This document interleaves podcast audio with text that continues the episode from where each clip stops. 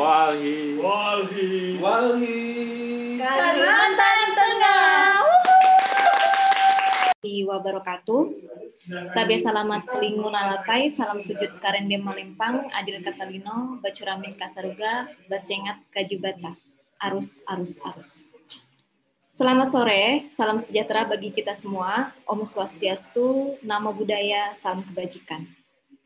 Halo Pak Hari Samandiai, saya Ayu Kusuma. Kembali lagi bersama kami Walhi Kalimantan Tengah. Kali ini dalam launching virtual desk study Walhi, yaitu analisis kesenjangan kebijakan iklim Indonesia dalam prinsip keadilan antar generasi. Sebelumnya, kami ingin mengucapkan selamat Hari Ibu, selamat Hari Pergerakan Perempuan, khususnya bagi perempuan-perempuan yang selama ini berjuang melawan ketidakadilan, diskriminasi, dan krisis yang semakin diperburuk oleh kerusakan lingkungan hidup. Selamat datang bagi para narasumber. Sebagai pemantik kita hari ini ada Kak Syaharani atau biasa dipanggil Kak Rance, salah satu peneliti dari tim Desk Study Walhi, analisis kesenjangan kebijakan iklim Indonesia dalam prinsip keadilan antar generasi. Sebagai penanggap juga telah hadir kakak saya, seorang aktivis perempuan dan perwakilan anak muda dari Kalimantan Tengah, Kak Meta Septalisa, akademisi Universitas Palangkaraya dari Fakultas Hukum, Bu Louis Seresia, dan dari Departemen Pendidikan dan Pengorganisasian Walhi Kalimantan Tengah, abang saya Bayu Herinata. Tidak ketinggalan, moderator kita hari ini adalah seorang perempuan yang sangat kece, tempat saya banyak belajar juga, Kak Margareta Winda Febiana dari Solidaritas Perempuan Mamut Menteng.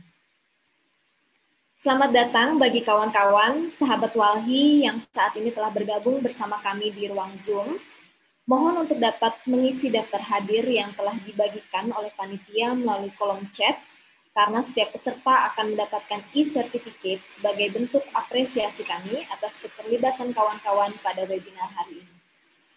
Silakan juga bagi kawan-kawan yang memiliki pertanyaan maupun tanggapan untuk menuliskannya melalui kolom chat karena di musim libur akhir tahun ini Wali Kalimantan Tengah telah menyediakan voucher giveaway berupa e-money bagi tiga orang penanya masing-masing senilai Rp100.000 setelah pajak. Dan tentunya seperti biasa, webinar kali ini kami tayangkan secara langsung melalui kanal YouTube Walhi Kalimantan Tengah. Nantinya rekaman audionya juga bisa kamu saksikan melalui podcast Walhi Kalteng dan website www.walhikalteng.org untuk artikel publikasinya kamu bisa terus berinteraksi secara langsung dengan Walhi Kalimantan Tengah melalui berbagai platform media sosial. Ada Facebook Walhi um, Kalimantan Tengah, kemudian ada Twitter, at Walhi underscore Kalteng, ada Instagram, at Walhi Kalteng, dan yang terbaru TikTok Walhi Kalteng. Oke, okay, um, webinar launching Desk Study Walhi, analisis kesenjangan kebijakan iklim Indonesia dalam prinsip keadilan antar generasi ini merupakan bagian dari rangkaian webinar Walhi Kalimantan Tengah yang kami selenggarakan selama pandemi COVID-19 untuk mengkampanyekan bahwa gerakan penyelamatan lingkungan hidup tidak boleh berhenti meski di masa pandemi seperti sekarang.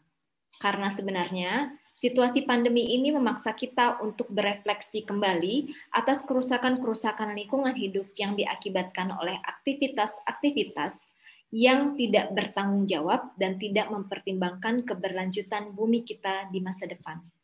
Sehingga akibatnya bukan hanya krisis iklim dan bencana alam yang harus dihadapi oleh umat manusia, tapi juga serangan penyakit dan tentunya virus. Jangan sampai kerusakan lingkungan yang kita lestarikan hingga hari ini akan menjadi layaknya Infinity Gauntlet dari Thanos di masa yang akan datang. Baik, Launching Virtual Desk Study Walhi Analisis Kesenjangan Kebijakan Iklim Indonesia dalam Prinsip Keadilan Antar Generasi hari ini akan dibuka secara langsung oleh Direktur Walhi Kalimantan Tengah, Dimas Novian Hartono. Selanjutnya, webinar juga akan langsung dipandu oleh Kak Winda selaku moderator kita. Silakan, apakah Dimas sudah hadir dalam ruangan?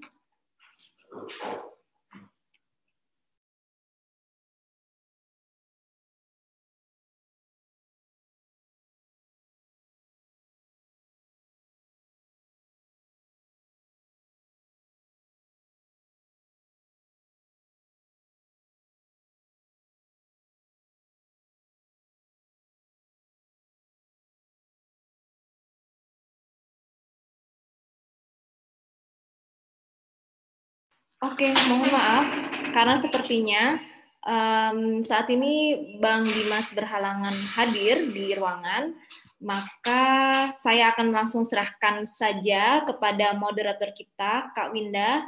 Silahkan untuk uh, memandu acara. Kak Winda Lab, Kak Winda Lab.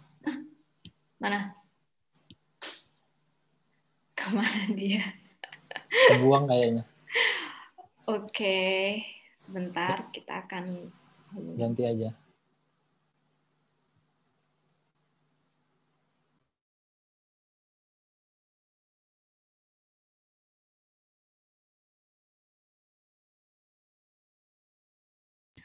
Ya, uh, ternyata ada masalah jaringan dari moderator, jadi saya akan um,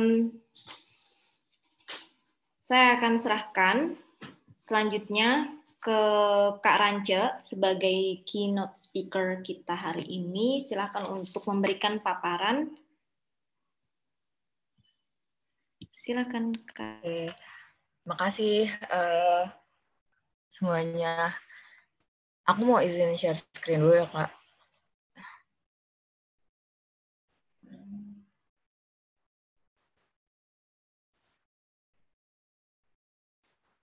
Eh, eh, eh.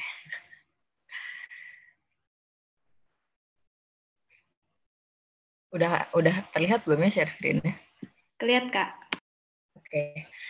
Oke, kalau gitu. Uh, halo teman-teman semua. Sebelumnya perkenalkan aku Rance dan hari ini aku pengen mengajak teman-teman dan yang ada di webinar hari ini untuk uh, berdiskusi tentang apa sih itu keadilan antar generasi dan kenapa perubahan iklim itu sangat berkaitan dengan uh, keadilan antar generasi. Nah, uh, yang pertama krisis iklim. Nah, kenapa sih krisis iklim itu uh, kemudian berbahaya? Dan kalau misalnya teman-teman mungkin pernah lihat omongan orang-orang uh, misalkan di internet gitu kayak mereka tuh pasti bilang krisis iklim itu adalah ancaman terbesar umat manusia gitu. Tapi kayak kenapa sih krisis iklim itu bisa dibilang sebagai ancaman terbesar umat manusia. Gitu. Nah, uh, ternyata karena uh, ketika krisis iklim ini pada akhirnya kemudian terjadi dalam skala yang besar, sebenarnya krisis iklim itu saat hari ini udah udah mulai menunjukkan dampak-dampak uh, atau bahwa sebenarnya iklim kita itu sedang mengalami krisis atau perubahan yang mengarah kepada sesuatu yang buruk. Uh, yang pertama, um, akibat kenaikan suhu bumi uh, yang disebabkan oleh perubahan iklim akan terjadi uh, gelombang panas yang panjang, super panjang, uh, tapi ini biasanya uh, lebih terjadi di negara-negara empat musim dan negara-negara uh, yang emang uh, iklimnya tuh kering kayak misalkan uh, di Afrika atau di Timur Tengah. Uh, nah, gelombang panas ini tuh di beberapa negara di dunia sudah bahkan menekan uh, menelan korban jiwa. Jadi kayak karena saking panasnya masyarakat ada beberapa orang yang kemudian nggak bisa untuk survive gitu dalam kondisi seperti itu. Nah, cuaca panas dan gelombang panas yang kemudian terjadi akibat krisis iklim ini bisa memicu ada kekeringan dan krisis air. Bayangkan kita akan hidup di dunia yang kita dapat air aja sangat sulit gitu. Dan uh, padahal air itu adalah sumber kehidupan kita. Tentunya kita sebagai manusia nggak bisa dong hidup tanpa air. Nah, selain itu juga akibat kekeringan pangan kemudian uh, nggak bisa bertahan karena sulit untuk uh, terutama sektor pertanian itu sangat sangat susah untuk kemudian bertahan dan tetap memproduksi pangan dan akhirnya uh, malah terjadi krisis pangan di mana karena kegagalan sistem pangan akibat kekeringan dan krisis air tadi, uh, ancamannya adalah kita akan kesulitan untuk memperoleh makanan sehari-hari kita yang merupakan kebutuhan dasar kita juga. Nah, selain itu juga krisis iklim uh, punya bahaya terhadap kesehatan. Misalkan uh, dengan cuaca panas, uh, polusi udara itu cenderung akan lebih meningkat dan lebih parah dibanding uh, cuaca yang lembab uh, dibanding ketika kita berada uh, kondisi cuaca yang lembab gitu. Nah, uh, polusi udara ini uh, sangat berdampak bahkan sekarang aja di mana polusi udara itu kebanyakan dihasilkan oleh misalkan pembangunan atau uh, misalkan uh, dari kegiatan-kegiatan ekstraktif, uh, itu dia udah membunuh lebih dari 7 juta orang di seluruh dunia, menyebabkan kematian prematur. Nah, angka ini kemudian bisa semakin meningkat ketika krisis iklim ini kemudian sudah terjadi dalam skala yang lebih besar. Kemudian ada cuaca ekstrim. Cuaca ekstrim ini juga uh, akan menimbulkan kerugian yang sangat besar uh, bagi manusia, baik kerugian ekonomi maupun kerugian uh, sosial, dan bahkan juga bisa memicu uh, adanya eskalasi konflik sosial yang berkepanjangan. Karena misalkan uh, kita cuaca ekstrim memicu uh, apa namanya kita misalkan adalah hidup dalam kondisi di mana intensitas banjir itu sangat sering dan dampaknya itu juga sangat besar dan misalkan banjir itu uh, sangat destruktif gitu sifatnya karena curah hujan yang sangat ekstrim. Nah, lama lama-lama sumber daya yang kita gunakan untuk bertahan hidup tentu akan akan berkurang dengan uh, intensitas yang sering karena kita harus mengeluarkan biaya untuk membenarkan rumah dan segala macam memberi pang, membeli pangan kita dan uh, atau bahkan alat-alat pelindungan diri uh, juga yang berkaitan dengan kesehatan. Nah, uh, tentunya ketika kita udah masyarakat udah sampai pada titik di mana akan sangat sulit untuk bertahan hidup di cuaca ekstrim, akan ada uh, konflik mungkin uh, konflik di mana misalkan masyarakat kemudian harus mengungsi ke tempat lain uh, dan sebagainya.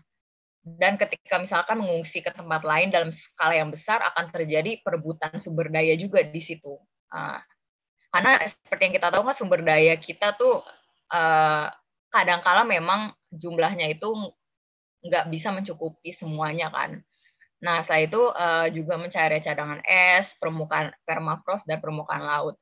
Nah, permafrost ini uh, sebenarnya dia menyimpan banyak karbon. Jadi ketika dia mencari itu dia merilis banyak gas-gas rumah kaca khususnya uh, metana dan karbon yang nanti malah semakin memperparah krisis iklim itu sendiri. Nah, kalau permu, kenaikan permukaan laut sebenarnya udah banyak banyak banget khususnya negara-negara di Oceania yang kemudian uh, harus masyarakatnya harus terpaksa mengungsi. Mungkin uh, kalau misalnya teman-teman mau mencari tahu, misalkan di Mar di Marshall Islands itu udah banyak banget pulau mereka yang tenggelam. Terus di Fuji juga udah ada desa mereka yang tenggelam. Jadi masyarakat itu benar satu desa itu harus pindah karena uh, udah nggak bisa ditempatin lagi. Desa itu udah tenggelam karena permukaan lautnya tuh naik. Nah, uh, di Indonesia sendiri ada juga uh, di Demak uh, tempatnya. Jadi di Demak itu udah ada sempat dua dusun yang kemudian tenggelam karena banjirop. Jadi dusunnya itu udah nggak bisa ditempatin lagi karena setiap banjirop dusunnya itu benar-benar tenggelam semua rumahnya. Jadi warganya ini kemudian harus pindah. Nah jadi sebenarnya kalau misalnya orang bilang apa sih krisis iklim nggak ada orang gue nggak pernah ngerasain dampaknya. Nah mungkin itu karena kita hidup di daerah yang nggak secara langsung bisa terdampak. Tapi sebenarnya kalau misalnya teman-teman mau mencari tahu atau teman-teman mungkin um, pengen melihat di daerah-daerah lain khususnya daerah pesisir itu dampak dampak itu tuh sangat bisa uh, dirasakan bahkan waktu itu Vice Indonesia pernah bikin uh, sebuah liputan bahwa daerah Batam itu karena nggak pernah hujan mereka hampir kehabisan cadangan air bersih. Nah ini juga ini jadi kayak sebenarnya tuh krisis iklim itu udah terjadi dan dampaknya itu sudah muncul yang yang sebenarnya dampak ini juga merupakan peringatan untuk kita supaya kita segera uh, beraksi lah untuk menyelesaikan permasalahan ini karena uh, yang akan sangat rugi itu sebenarnya kita sendiri. Nah, oh ya sebenarnya uh, krisis iklim ini mungkin aku tadi belum intro juga yang aku omongin di sini adalah krisis iklim yang uh, disebabkan oleh manusia. Jadi krisis iklim itu uh, sebenarnya ada ada dua uh, sebabnya. Secara natural bumi ini tuh uh, mengeluarkan emisi gas rumah kaca untuk menjaga stabilitas suhunya. Kalau misalnya nggak ada gas rumah kaca ini sebenarnya bumi itu bakal dingin banget dan manusia nggak mungkin bisa tinggal di situ. Akhirnya gas rumah kaca ini kemudian dirilis dan uh, bumi merilis gas rumah kaca secara alamiah untuk membuat uh, suhu bumi itu menjadi lebih hangat sehingga bisa ditinggali oleh manusia. Nah, tapi setelah revolusi industri di mana kemudian berkembang uh, teknologi yang mampu uh, memanfaatkan sumber daya-sumber daya misalkan seperti energi fosil atau ekstraksi hutan dan sebagainya, eh, sumber-sumber emisi gas rumah kaca lain, eh, sumber-sumber gas rumah kaca lain itu kemudian akhirnya uh, dibuka dan dia merilis karbon dalam skala yang sangat cepat gitu dibanding misalkan 3, 3 sampai 4 miliar tahun sebelum ada sebelum uh, adanya revolusi industri. Nah, uh, generasi muda itu akan sangat terdampak uh, oleh adanya krisis iklim ini. Kenapa? Karena uh, generasi yang generasi termuda itu tidak memiliki pilihan untuk mengontrol apa yang terjadi sebelum mereka lahir. Jadi misalkan uh, kalau misalnya kita sekarang diem aja dan meninggalkan bumi dalam keadaan yang hancur, rusak dan uh, di mana krisis iklim itu terjadi, ya ini akan kita wariskan kepada generasi-generasi termuda dan generasi yang akan datang. Ketika mereka besar nanti kondisi bumi yang rusak inilah yang yang akan mereka hadapi dan mereka tentunya sebagai generasi termuda apalagi generasi yang akan datang eh, itu generasi yang masih mungkin 10 atau ratusan tahun yang akan datang baru uh, meninggali bumi ini mereka nggak bisa mengontrol apa yang terjadi sebelum mereka lahir mereka hanya bisa menerima uh, apa yang kita kasih, apa apa yang generasi saat ini kasih kepada mereka. Nah, uh, makanya ada ada pepatah gitu lah yang bilang kalau misalnya uh, kita ini bukan pemilik bumi, tapi kita meminjam bumi ini dari anak cucu kita. Nah, mungkin gambarannya kurang lebih seperti itu. Nah, uh, me melihat bahwa mereka ada kemungkinan krisis iklim ini akan mengancam kehidupan mereka di masa depan ketika mereka dewasa nanti di berbagai belahan dunia akhirnya muncul juga gerakan-gerakan yang dipelopori sama anak muda terkait dengan perubahan iklim. Nah mungkin kalau yang ini aku cepat aja. Um, yang paling terkenal dan uh, mungkin semua teman-teman udah pernah dengar karena Greta juga jadi sempat jadi person of the year uh, di Time jadi gerakan Fridays for Future adalah gerakan uh, aksi iklim, uh, gerakan demonstrasi yang menuntut uh, supaya pemerintah dan pengambil kebijakan terkait itu bisa lebih serius dalam menghadapi perubahan iklim. Nah ini tuh dipelopori oleh seorang anak muda berumur 15 sekarang 16 namanya Greta Thunberg yang awalnya dia cuma demo sendirian uh, di depan parlemen Swedia sampai sekarang gerakan itu uh, hampir ada di seluruh dunia. Nah, selain selain eh, dengan turun ke jalan tadi, eh, anak-anak muda juga udah mulai nih eh, menggunakan cara lain selain aksi, selain kampanye. Mereka di, di banyak kasus di dunia di mana anak muda ini kemudian menggugat pihak-pihak tertentu, misalkan pemerintah atau korporasi, ke pengadilan karena mereka dianggap tidak mampu mengatasi atau menjadi penyebab terjadinya perubahan iklim. Nah, aku ada beberapa kasus, uh, aku nyebut kasus ini kasus antar generasi karena memang yang gugat anak-anak kecil dan mereka memin mereka selalu mendalilkan di, di dalam gugatan mereka bahwa krisis iklim itu akan mengancam masa depan mereka. Yang pertama ini ini bisa dibilang kasus anak muda pertama yang menggugat uh, perubahan iklim di pengadilan. Yang pertama itu ada kasus Juliana versus United States of America.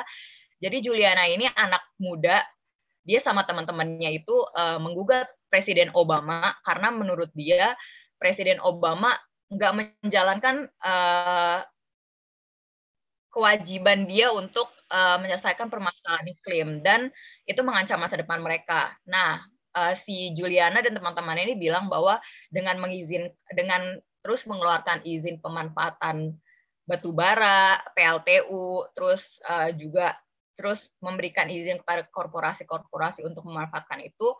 Dan kemudian kegiatan mereka menghasilkan gas rumah kaca uh, yang menyebabkan krisis iklim, uh, dia menganggap bahwa Amerika nggak uh, nggak menjalankan kewajiban mereka untuk menjamin hak atas lingkungan hidup anak-anak uh, ini di masa depan kayak gitu menurut mereka tindakan itu melanggar hak mereka atas lingkungan hidup yang baik. Nah, uh, terus selain itu juga ini, ini baru tahun ini dimasukin gugatannya di Korea dan ini uh, sebenarnya salah satu ini kasus gugatan anak muda pertama di Asia yang uh, itu dipelopori sama anak muda yang namanya uh, Kim Eugene atau ada atau Kim Do Hyun jadi anta, ya antara dua ini dia, dia juga nggak nggak cuma berdua tapi ada beberapa anak muda lain. Mereka ngegugat uh, presiden Korea dan beberapa lembaga-lembaga terkait karena menurut mereka uh, presiden Korea nggak mampu untuk uh, memenuhi hak atas lingkungan hidup dan hak hidup mereka.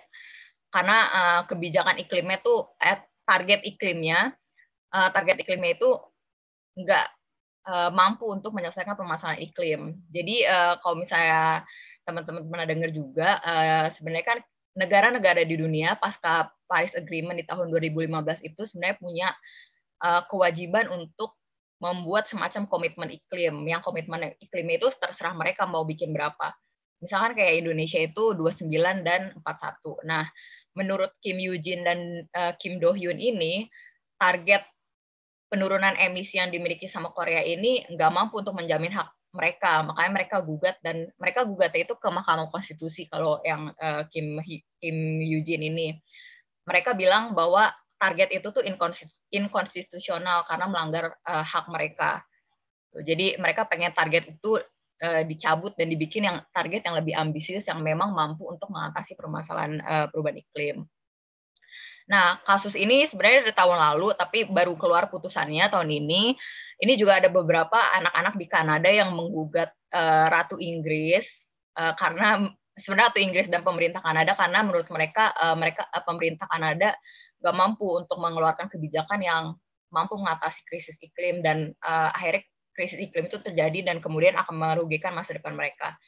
Nah sebenarnya banyak juga kasus-kasus di Asia itu ada juga di Pakistan, uh, kemudian uh, yang paling baru dan cukup uh, bisa diikutin itu adalah rem beberapa remaja asal Portugis kalau nggak uh, Portugis kalau nggak salah dia menggugat semua negara Uni Eropa karena nggak uh, mampu mengendalikan emisi mereka dan akhirnya menyebabkan uh, perubahan iklim.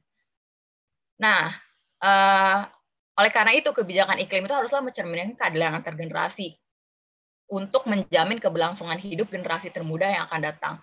Jadi uh, kalau misalnya kebijakan iklim suatu negara itu tidak mencerminkan adanya keadilan antar generasi, atau tidak memasukkan keadilan antar generasi sebagai salah satu faktor pertimbangan dalam penyusunan kebijakan, maka uh, bisa dipastikan bahwa kebijakan iklim tersebut tidak akan mampu menjamin keberlangsungan hidup generasi yang akan datang. Nah, kenapa kayak gitu? Pertama, keadilan antar generasi itu apa sih dan kenapa itu harus dipertimbangkan gitu dalam kebijakan iklim. Nah, kalau misalnya uh, pengertian simpelnya adalah bisa diambil dari pengertian dari pembangunan berkelanjutan itu sendiri yang uh, menekankan di poin keduanya di mana keadilan antar generasi itu adalah pembangunan yang dilakukan saat ini tidak membatasi atau bahkan mengurangi kemampuan generasi yang akan datang untuk memenuhi eh, kebutuhan mereka di masa depan. Jadi intinya adalah keadilan antar generasi itu uh, maksudnya adalah apa yang kita lakukan hari ini saat ini itu tidak boleh sampai membatasi atau bahkan mengurangi kemampuan generasi yang akan datang untuk bertahan hidup. Simpelnya itu kayak gitu.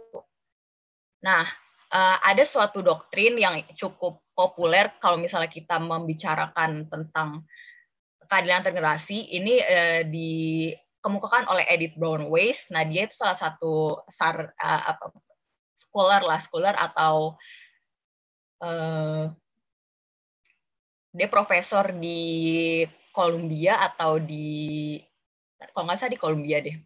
Dia profesor hukum di Columbia yang kemudian uh, dia waktu itu membahas uh, tentang banyak dia banyak membahas tentang uh, teori keadilan antar generasi dan kenapa itu penting gitu.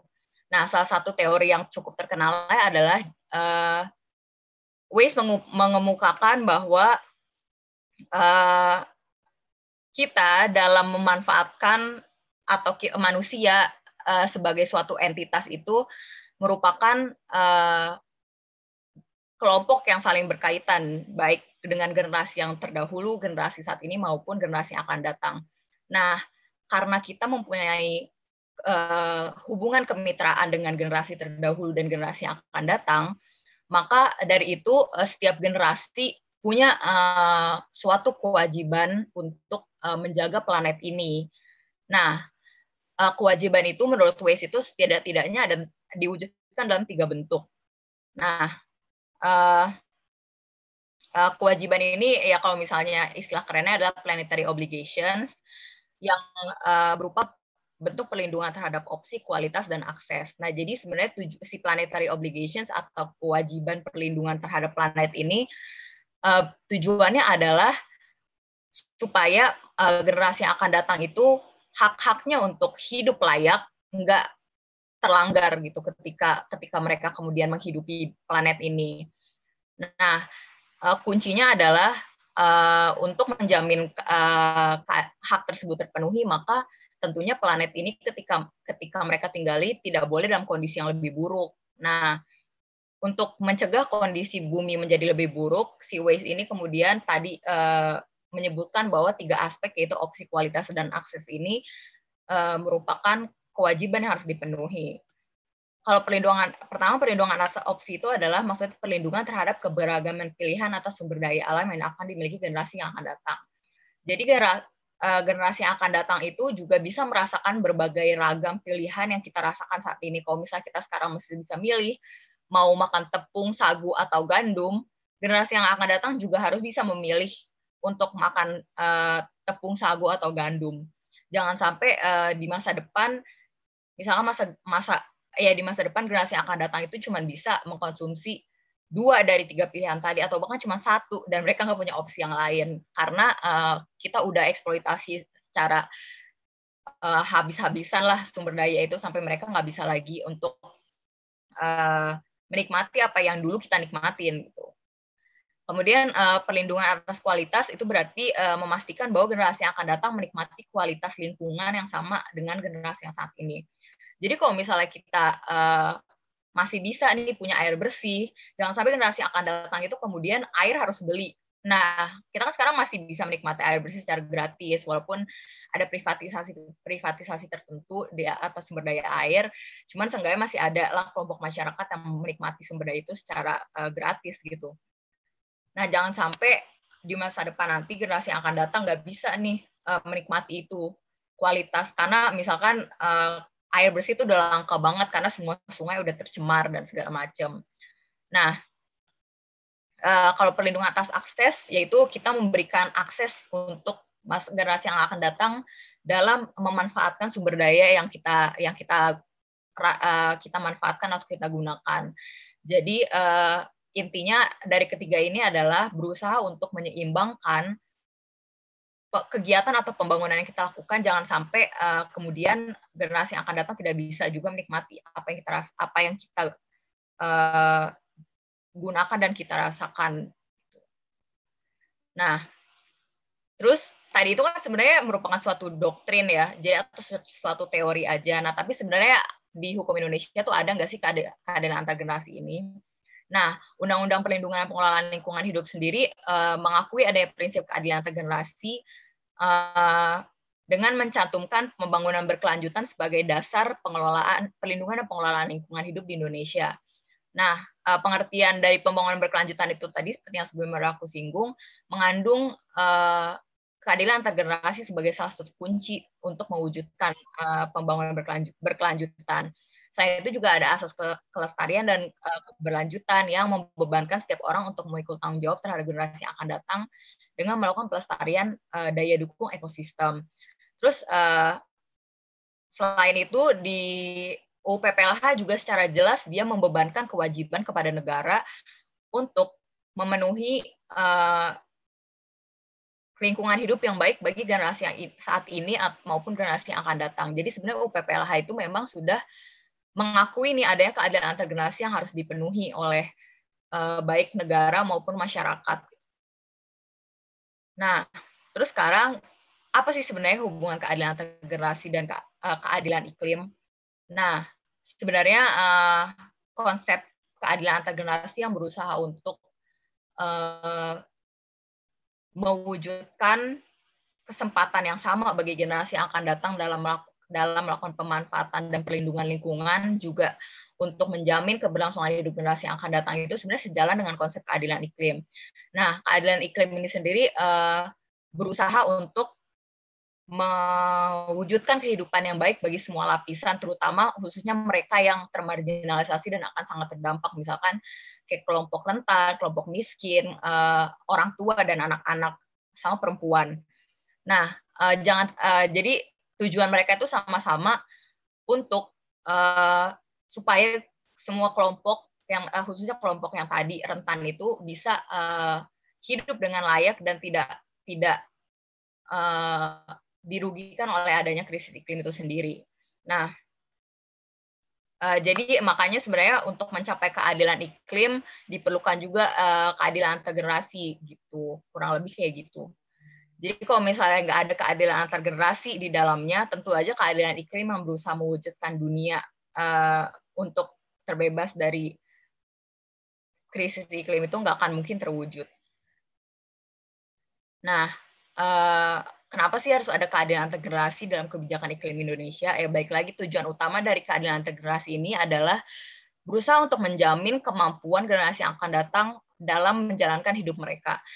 Jadi uh, kalau misalkan di kebijakan iklim Indonesia belum ada atau belum tercantum keadilan antar generasi uh, itu atau belum mencerminkan keadilan generasi sebagai salah satu pertimbangan mereka dalam menyusun kebijakan, tentu tentu saja uh, kita bisa menarik suatu kesimpulan bahwa memang uh, mungkin pemerintah belum belum mau gitu ya menjamin kehidupan generasi yang akan datang. Dan uh, tentunya keberlangsungan hidup generasi yang akan datang itu bisa jadi tidak terjamin dan mereka akan uh, bersusah payah untuk bertahan hidup di masa depan. Karena sebenarnya uh, keadaan generasi ini juga merupakan unsur esensial. Karena ke karena krisis iklim itu bukan bukanlah suatu bencana yang terjadi secara instan tapi dia berlang, berlangsung selama uh, puluhan bahkan ratusan tahun gitu. Jadi uh, bisa aja orang yang hidup 100 tahun di mana kita udah nggak ada lagi di di dunia ini gitu ya. Uh, mereka masih akan terus merasakan dampak yang kalau misalnya nggak kita tangani sekarang dampak-dampak itu akan semakin lebih parah ke depannya. Nah, jadi keadilan keadilan antar generasi ini berfungsi sebagai jangkar yang menekan kebijakan pemerintah untuk uh, menjamin keberlangsungan hidup manusia khususnya generasi yang akan datang. Nah, uh, pertanyaannya sekarang sudah nggak sudahkah kebijakan iklim Indonesia mencerminkan keadilan antar generasi? Nah, uh, jawabannya adalah belum. Kenapa belum? Yang pertama kita bisa ngelihat dari target atau komitmen penurunan emisi yang dimiliki sama Indonesia. Nah, dalam NDC yang dimiliki Indonesia, Indonesia itu berkomitmen untuk menurunkan 29 persen dengan tanpa bantuan internasional dan 41 persen dengan bantuan internasional uh, total dari total emisi uh, dari total proyeksi emisi Indonesia di tahun 2030. Nah, uh, apakah target ini cukup? Enggak, karena uh, ada sebuah penelitian yang dilakukan sama lembaga independen Climate Action Tracker yang kemudian dia bilang bahwa kalau misalnya kita nggak menghitung oh, uh, target target emisi Indonesia ini nggak sejalan dengan uh, target penurunan suhu di bawah satu setengah yang uh, disepakati di perjanjian Paris. Nah, karena uh, dengan target segini, kalau misalnya negara-negara di dunia itu mengadopsi uh, komitmen iklim Indonesia, bumi itu akan na naik suhunya sampai 3 uh, bahkan ke 3 sampai 4 derajat Celcius itu udah dua kali lipat dari tujuan awal kita yang berusaha untuk mencapai penurunan di bawah satu setengah derajat. Nah, selain itu Climate Action Tracker juga bilang kalau misalnya kita nggak menghitung emisi dari sektor uh, kehutanan dan lahan, Indonesia dengan kebijakan yang saat ini uh, dengan dengan kebijakan saat ini misalkan masih ada uh, 11 PLTU yang ongoing pembangunan di Indonesia, deforestasi setiap tahunnya setidaknya minimal 500 juta, eh 500 bukan 500 juta, maaf 500 ribu hektar, bahkan bisa lebih, itu Indonesia uh, uh, bisa mencapai target 29% tanpa melakukan penguatan tertentu gitu. Nah, uh, mungkin kok mungkin karena emisi sektor kehutanan Indonesia itu sangat besar jadi uh, kalau misalnya diinclude mungkin uh, bisa nggak nyampe tapi kalau dari sektor energi dari sektor industri dan uh, sektor limbah itu emisinya dihitung dan dengan kebijakan yang ada saat ini itu kita bisa sampai 29% karena tahun 2020 uh, KLHK itu sempat merilis laporan gitu laporan gitu di presentasi kalau kita tuh sekarang udah mencapai udah udah sampai ke penurunan 24% dari uh, emisi kita. Jadi kita tinggal butuh 5% lagi untuk menurunkan untuk mencapai target 29% ini. Nah, selain itu sebenarnya target ini tuh juga uh, nggak jelas uh, kapan sih sebenarnya kita memenuhi target 29% dan kapan kita um, mem men harus mencapai target 41% karena kita dapat bantuan internasional dapat Norwegia uh, membiayai kita untuk uh, menurunkan emisi dari sektor kehutanan misalkan melalui Red Plus dan lain-lain. Tapi uh, kenapa yang dikejar masih target 29% gitu? Mohon maaf, narasumber waktunya tinggal lima menit lagi. Oke, makasih uh, Kak. Nah, terus yaudah aku mungkin cepet aja.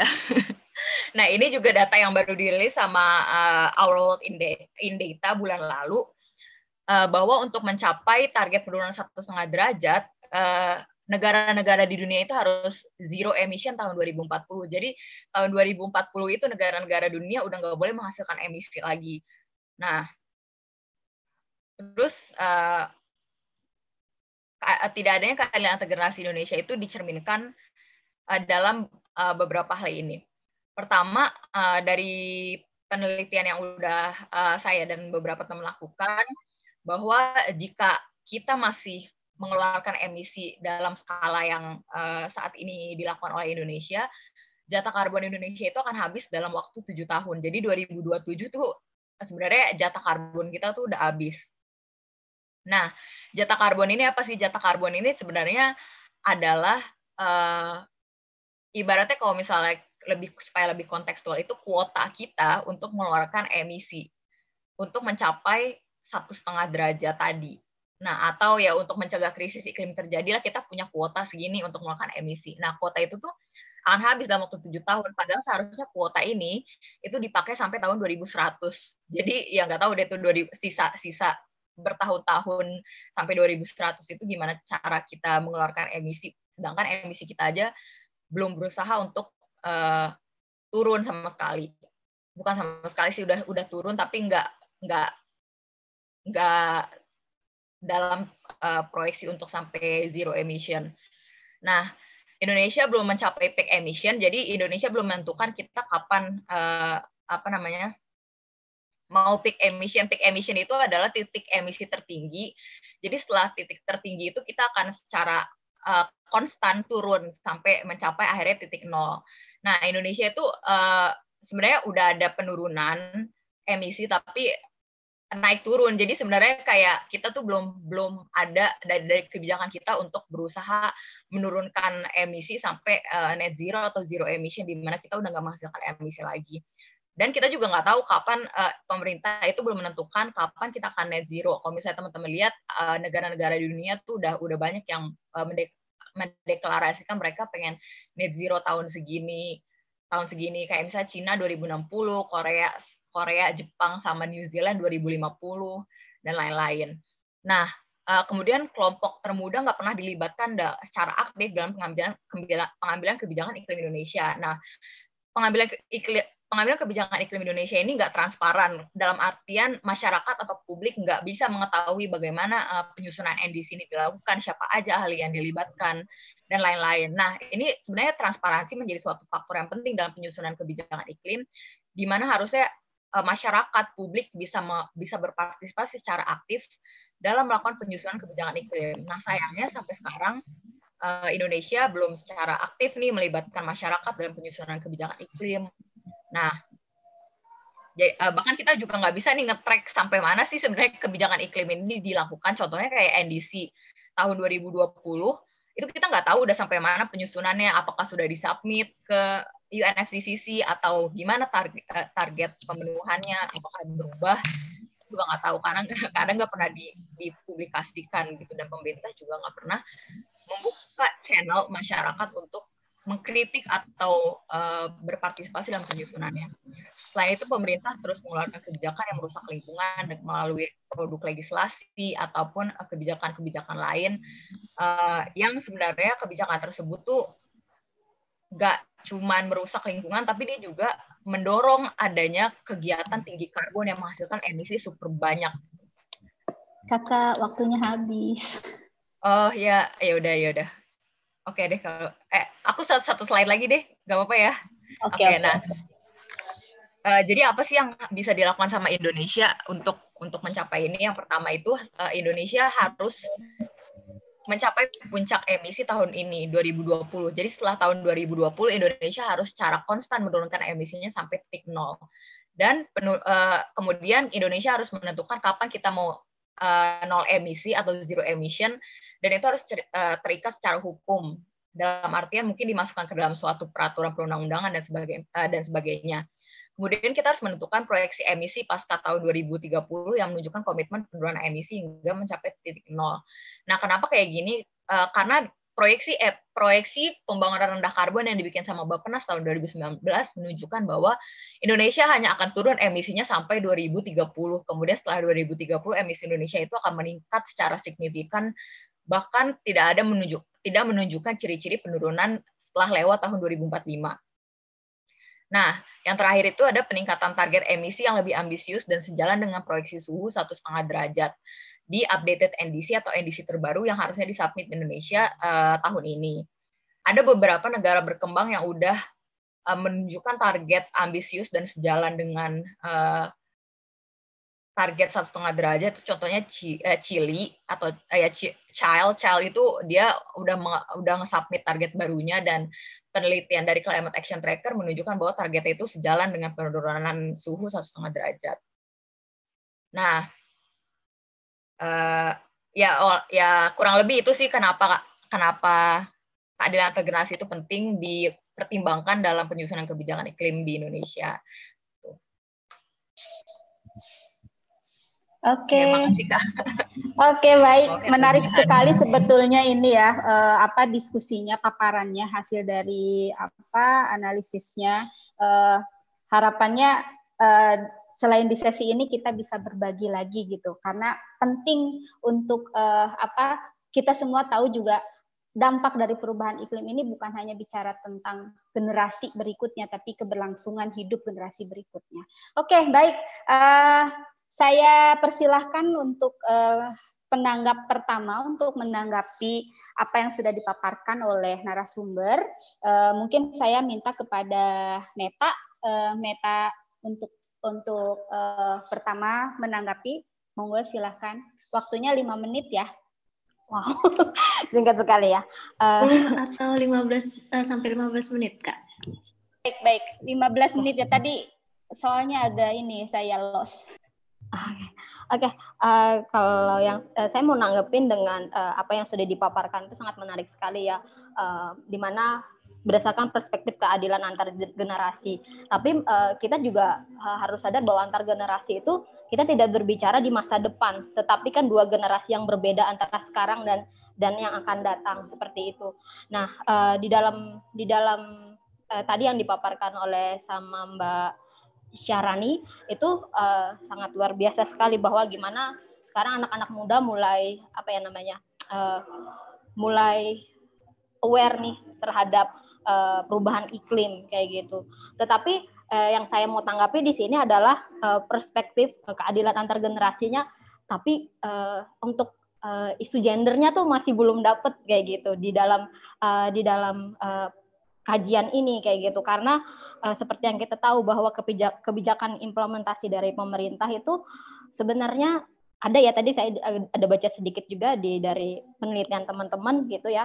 Uh, antar generasi khususnya untuk gender karena praktek-prakteknya sendiri khususnya di Kalteng itu belum terlihat untuk peranan perempuan dan anaknya. Karena uh, gender ini sesuatu yang khusus kayak gitu. Maksudnya sesuatu yang uh, spesial uh, spesial ya. Jadi saat ini aja uh, untuk kayak contohnya aja yang kayak tadi di penelitian tuh ada yang dari Bapenas bahwa pemerintah di, di informasi dari Bapak bahwa adanya uh, program pangan. Nah, program pangan ini suka atau tidak suka itu berkaitan dengan perempuan seperti yang kita tahu tadi sudah Ibu Louis bilang bahwa di Kalteng adanya food estate. Nah, food estate saat ini pun juga uh, tidak mengikut sertakan perempuan. Yang saat ini ya, apa bagaimana yang akan datang kayak gitu. Jadi, kalau saya boleh kasih saran untuk lebih uh, mungkin bisa dimasukin uh, perspektif antar generasi dan terus ada uh, gendernya seperti itu. Itu yang dari saya sih.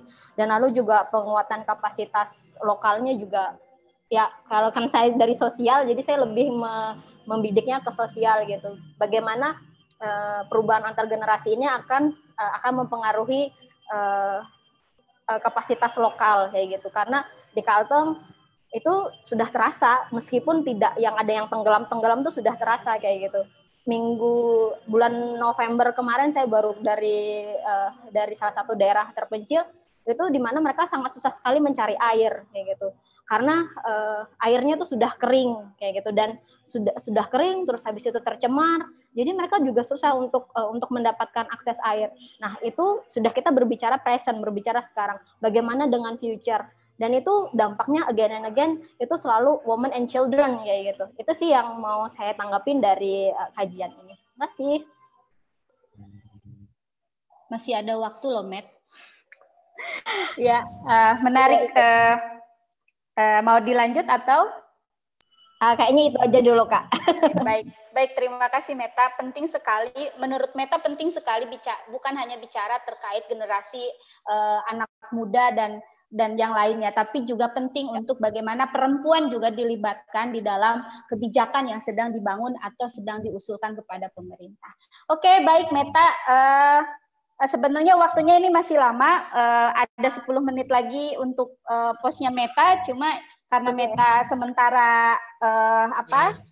Cukup sekian, cukup sekian, tapi nanti bisa dilanjut lagi dengan uh, uh, menanggapi atau atau sharing uh, berbagai pengalaman yang bisa di-sharing di forum ini. Baik, uh, untuk uh, penanggap berikutnya uh, saya minta kepada Ibu Lois Teresia untuk memberikan tanggapannya terkait paparan yang sudah disampaikan oleh uh, Kak Syahrani ya, Syahrani ya.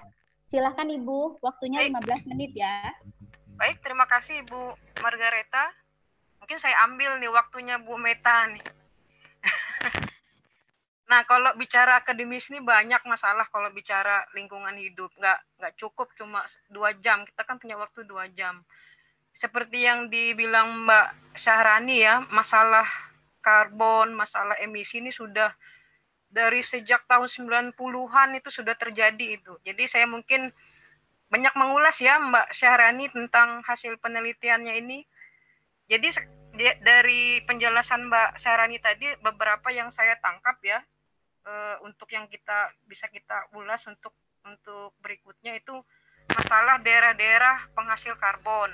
Itu kok yang yang terutama. Terus krisis iklim yang yang kedua masalah ham ham pelanggaran akibat dari krisis iklim itu tadi. Ini ini masalah ya yang saya catat itu. Terus bicara ekonomi lingkungan bicara cadangan air bersih mulai mulai berkurang ya ke keberlanjutan lingkungan peran pemuda juga ditekankan di sini untuk keberlanjutan penurunan emisi, terus krisis, terus peran negara dalam e, menanggulangi krisis krisis iklim. Kalau bicara krisis iklim ini sudah dari tahun 1990-an, terus beberapa deklarasi juga terjadi ya yang sudah dilakukan, terutama berbicara peran pemuda dalam e, kan itu yang mau diangkat nih peran pemuda dalam keberlanjutan lingkungan. Intinya gini, kalau bicara lingkungan hidup ini kan keberlanjutan lingkungan hidup yang mau di, ditekankan oleh Mbak Syahrini di sini. Kalau bicara keberlanjutan lingkungan hidup ini kan bicara asas keberlanjutan. Jadi asas keberlanjutan ini bukan hanya dibebankan juga kepada negara, tapi kalau bicara asas keberlanjutan ini dibebankan kepada setiap orang loh ya kalau bicara asas keberlanjutan. Jadi tidak hanya dibebankan kepada negara. Kadang-kadang kita juga hanya bisa uh, ini tugas negara sebenarnya. Tapi memang kalau bicara kewenangan ya negara yang memikul beban itu. terutama di pasal 33 ayat 3 Undang-Undang Dasar 45 itu kan diserahkan secara kewenangan secara atribusi kepada negara itu untuk menguasai dalam hal ini tujuannya untuk kemakmuran rakyat kan begitu ujungnya.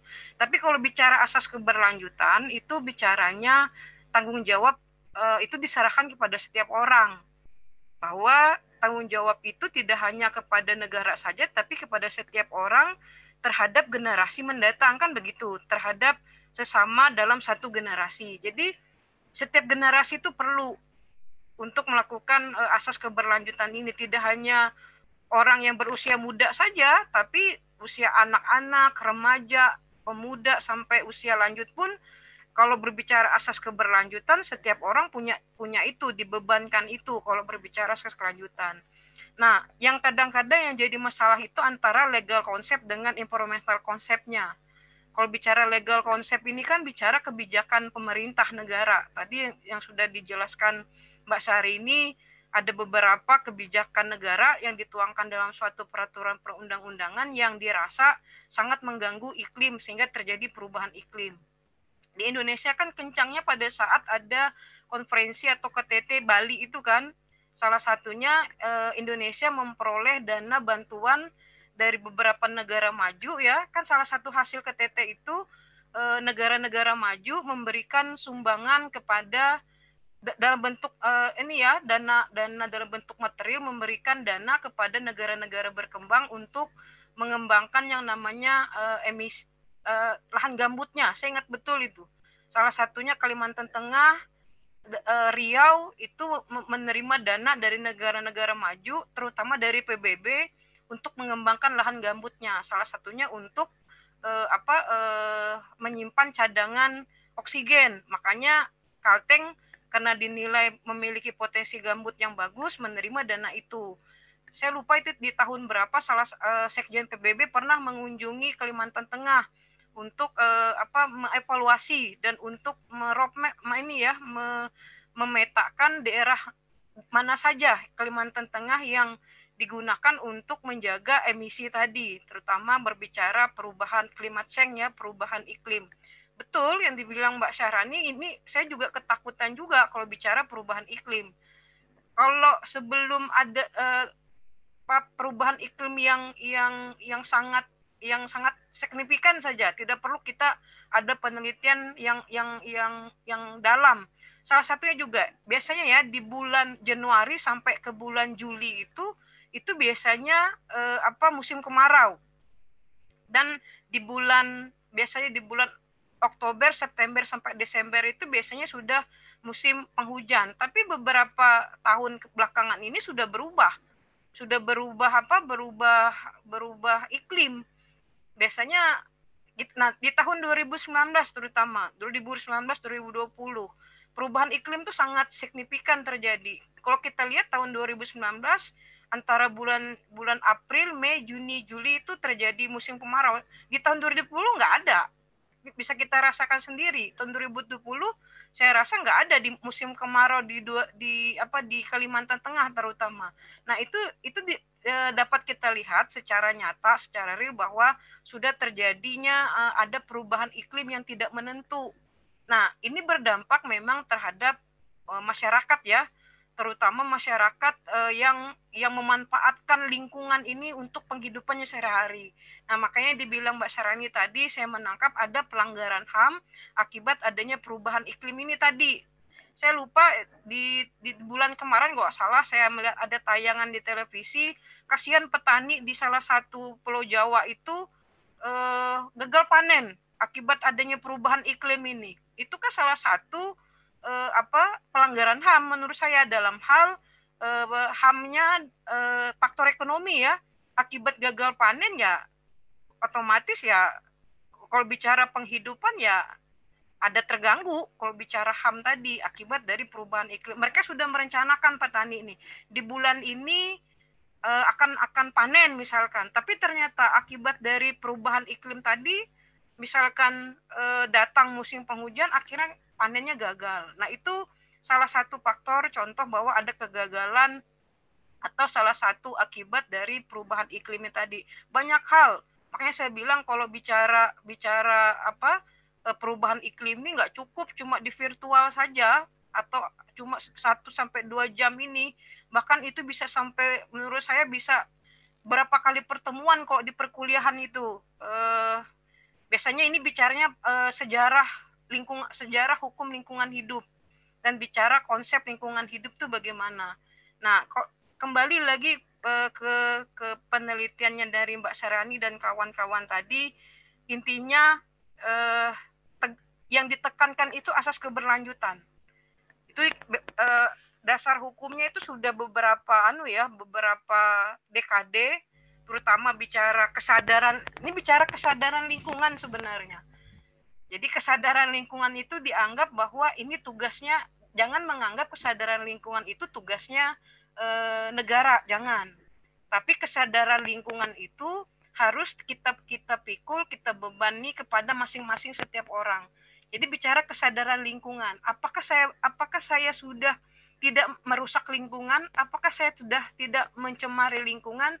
Itu yang sebenarnya menjadi pertanyaan pada diri kita. Kalau bicara uh, asas keberlanjutan tadi, apakah saya tidak merusak, apakah saya tidak mencemari? Nah, itu bicara kesadaran. Nah, inilah yang yang yang jadi jadi masalah ya kalau bicara di Indonesia. Makanya saya kadang-kadang di perkuliahan juga di di Indonesia ini menganggap hukum itu uh, orang takut dengan hukum itu bukan karena hukum itu harus di di apa di, di ditegakkan tapi hukum itu ditakuti karena ada sanksi saja.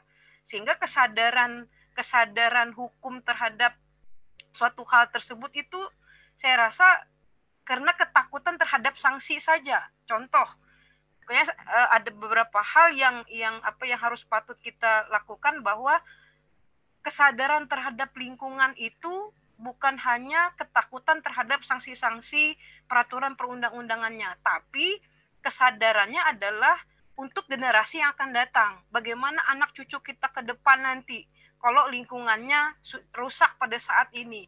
Kesadarannya itu dulu yang perlu dibangun. Jadi bukan kesadaran terhadap kalau kita melanggar hukum akan kenakan sanksi. Bukan itu sebenarnya, tapi kesadaran setiap orang, setiap manusia bahwa kalau saat ini kita tidak menjaga lingkungan ini, apalagi terjadinya krisis lingkungan dan sebagainya, bagaimana anak cucu kita ke depan? Itu yang harus kita pahami dulu. Pemikiran yang yang yang seperti itu sebenarnya kesadaran secara secara apa ya? Secara apa ya?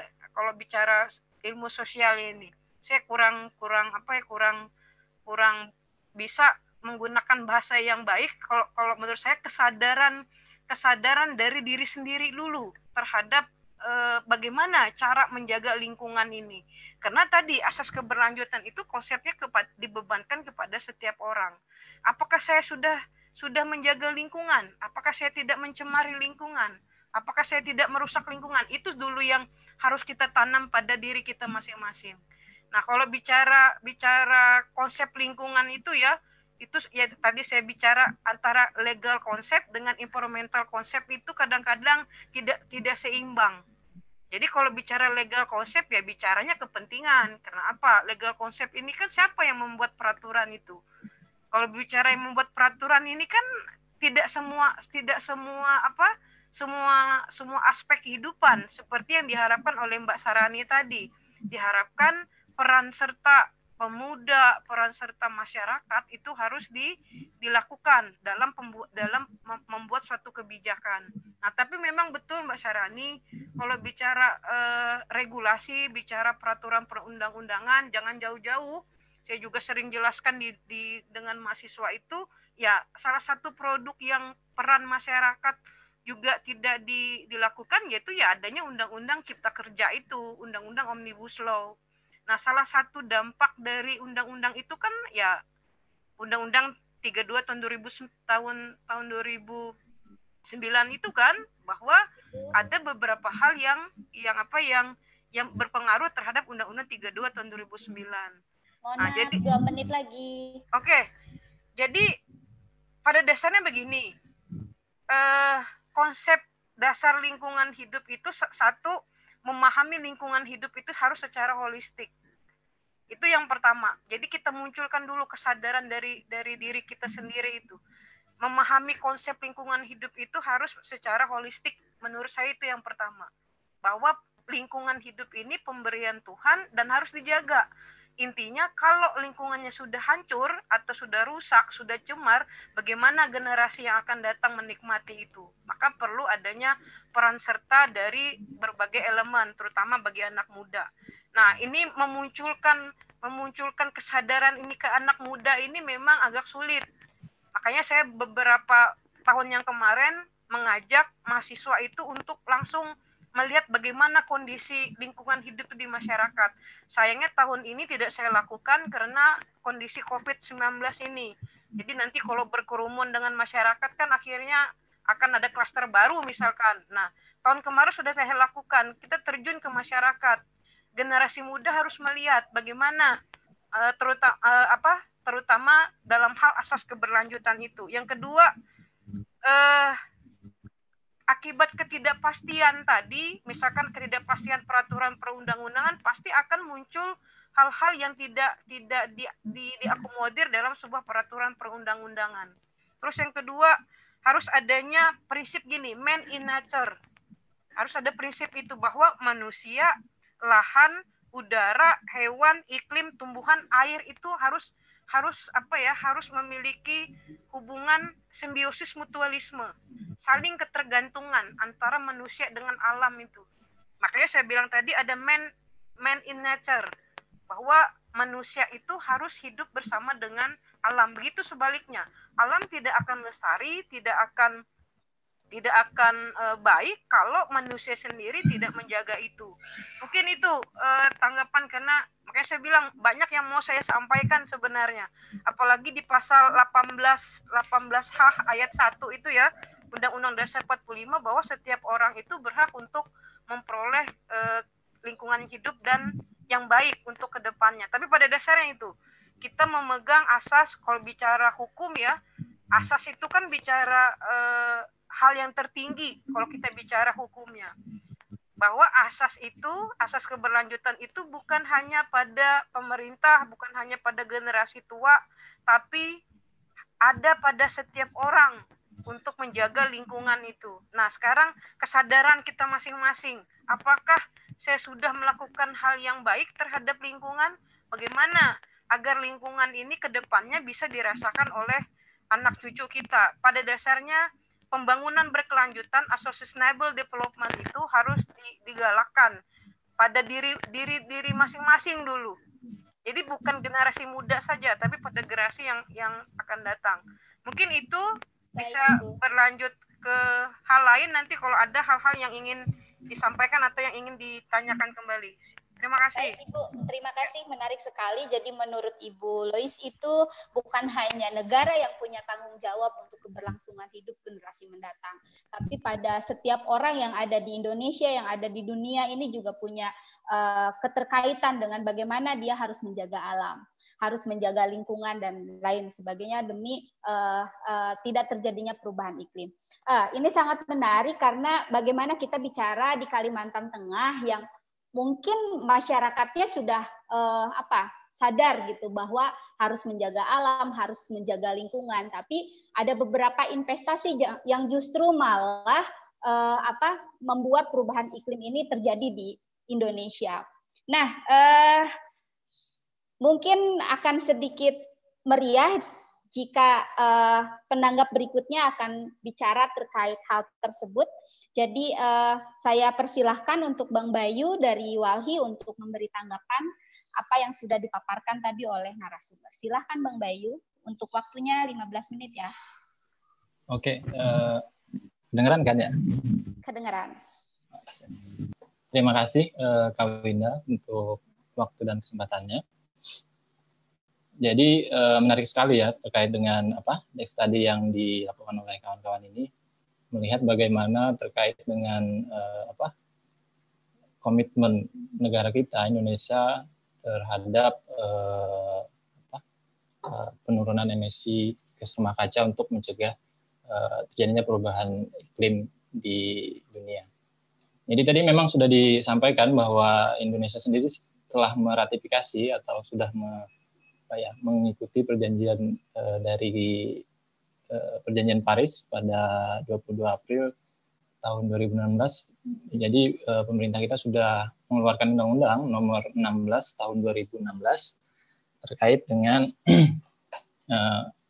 tadi NDC tadi mengkomunikasikan NDC pertamanya itu pada bulan November tahun 2016. Jadi uh, dalam NDC-nya tersebut Indonesia menetapkan uh, kalau tadi sudah disampaikan itu target penurunan emisinya itu sebesar uh, 29 persen itu dengan upaya sendiri dan 41 persen dengan bantuan internasional. Nah dari uh, target 29 persen itu tadi atau kalau di bahasa apa bahasa karbon itu sekitar 2.869 gigaton uh, eh, CO2 ekuivalen itu ada lima sektor yang menjadi uh, apa ya fokusnya ya, Indonesia dalam menurunkan emisi gas rumah kacanya. Eh, yang terbesar memang itu dari sektor kehutanan itu ada sebesar 17,2 persen. Yang kedua itu dari sektor energi itu ada 11 persen, terus uh, pertanian 0,32 persen, industri itu 0,10 persen dan uh, limbah itu 0,38 persen.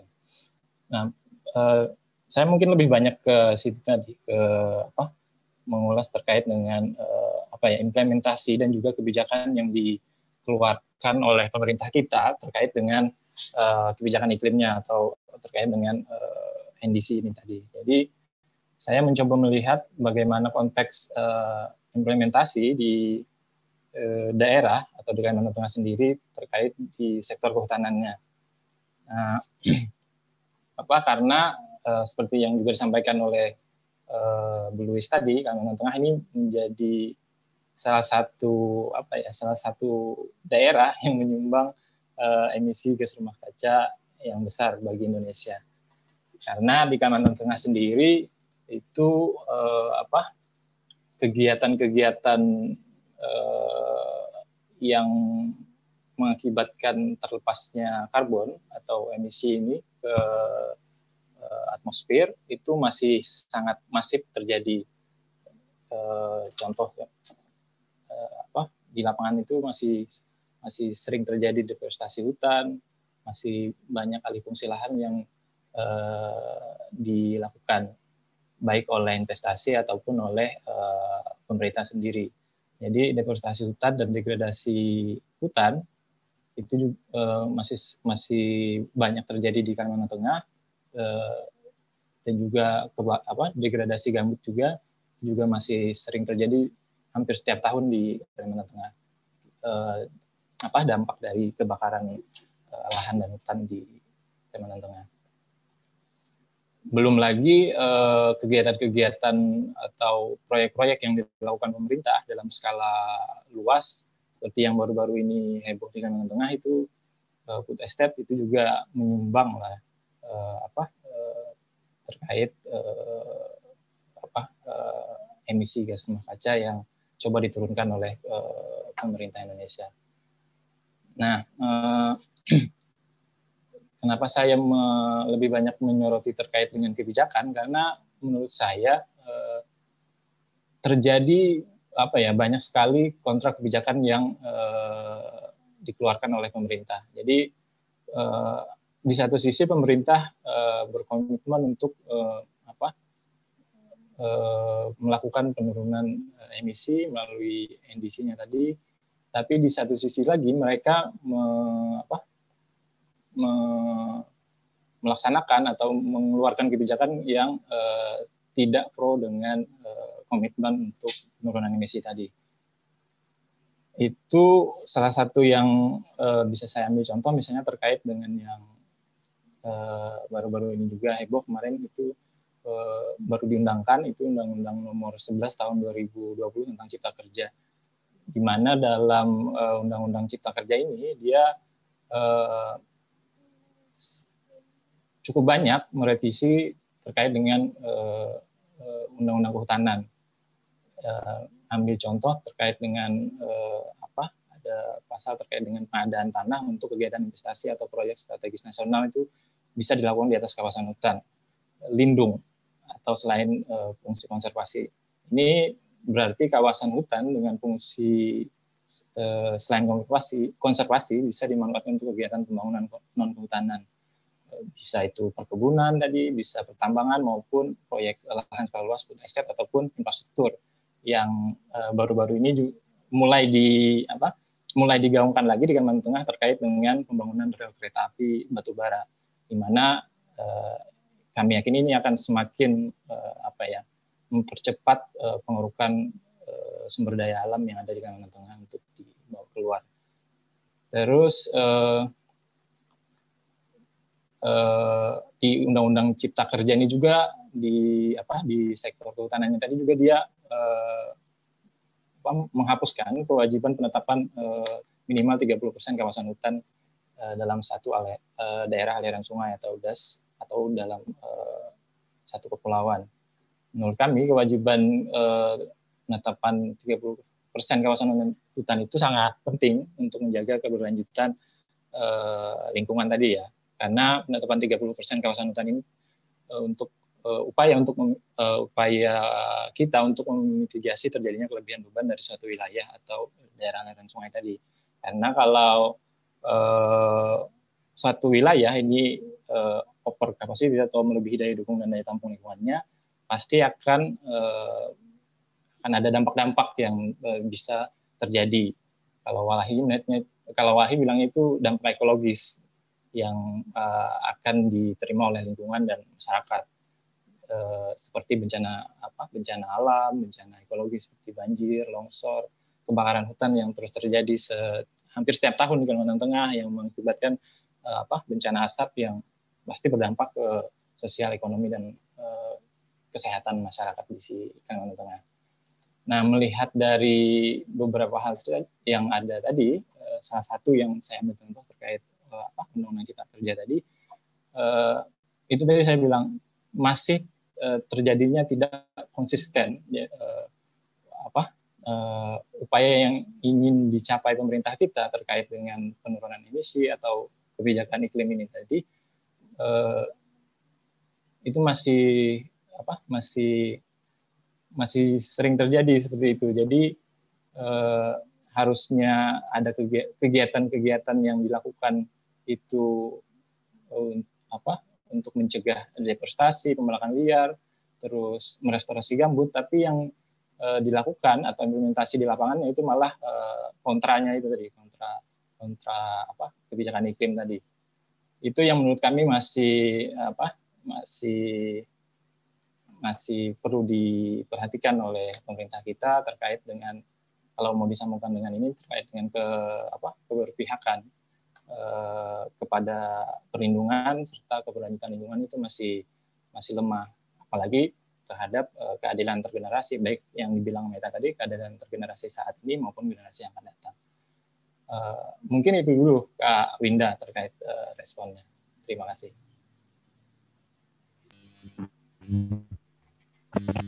Baik, menarik sekali ya. Uh, bagaimana juga pemerintah harus memberikan kebijakan yang lebih adil bagi masyarakat, terutama bagi uh, apa yang sedang dilakukan di untuk menurunkan emisi harus apa memikirkan bagaimana generasi berikutnya juga harus terlibat dalam apa namanya dalam satu kebijakan yang sedang dibangun. Oke, baik.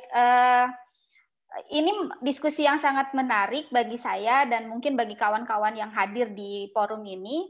Uh, sebelum ada tanggapan lain dari uh, dari beberapa penanggap dan dan dari narasumber, mungkin saya akan masuk kepada uh, beberapa pertanyaan. Yang per, pertanyaan pertama, sat, langkah apa yang dapat di, dilakukan sebuah negara untuk mengatasi perubahan iklim, serta bagaimana negara dapat menggabungkan tujuan iklim dengan pembangunan berkelanjutan untuk membangun ketahanan iklim. Nah, kemudian pertanyaan kedua, Peran apa saja yang harus dilakukan pemerintah atau lembaga lingkungan agar tidak ada kesenjangan kebijakan iklim serta bagaimana terciptanya keadilan antar generasi. Kemudian apa yang harus di uh, apa yang harus harus dilakukan dimulai dari sekarang. Ya, uh, itu saja dulu pertanyaan pertanyaannya. Mungkin uh, bisa kawan-kawan bisa menjawab baik itu dari narasumber maupun dari uh, penanggap. Monggo silahkan.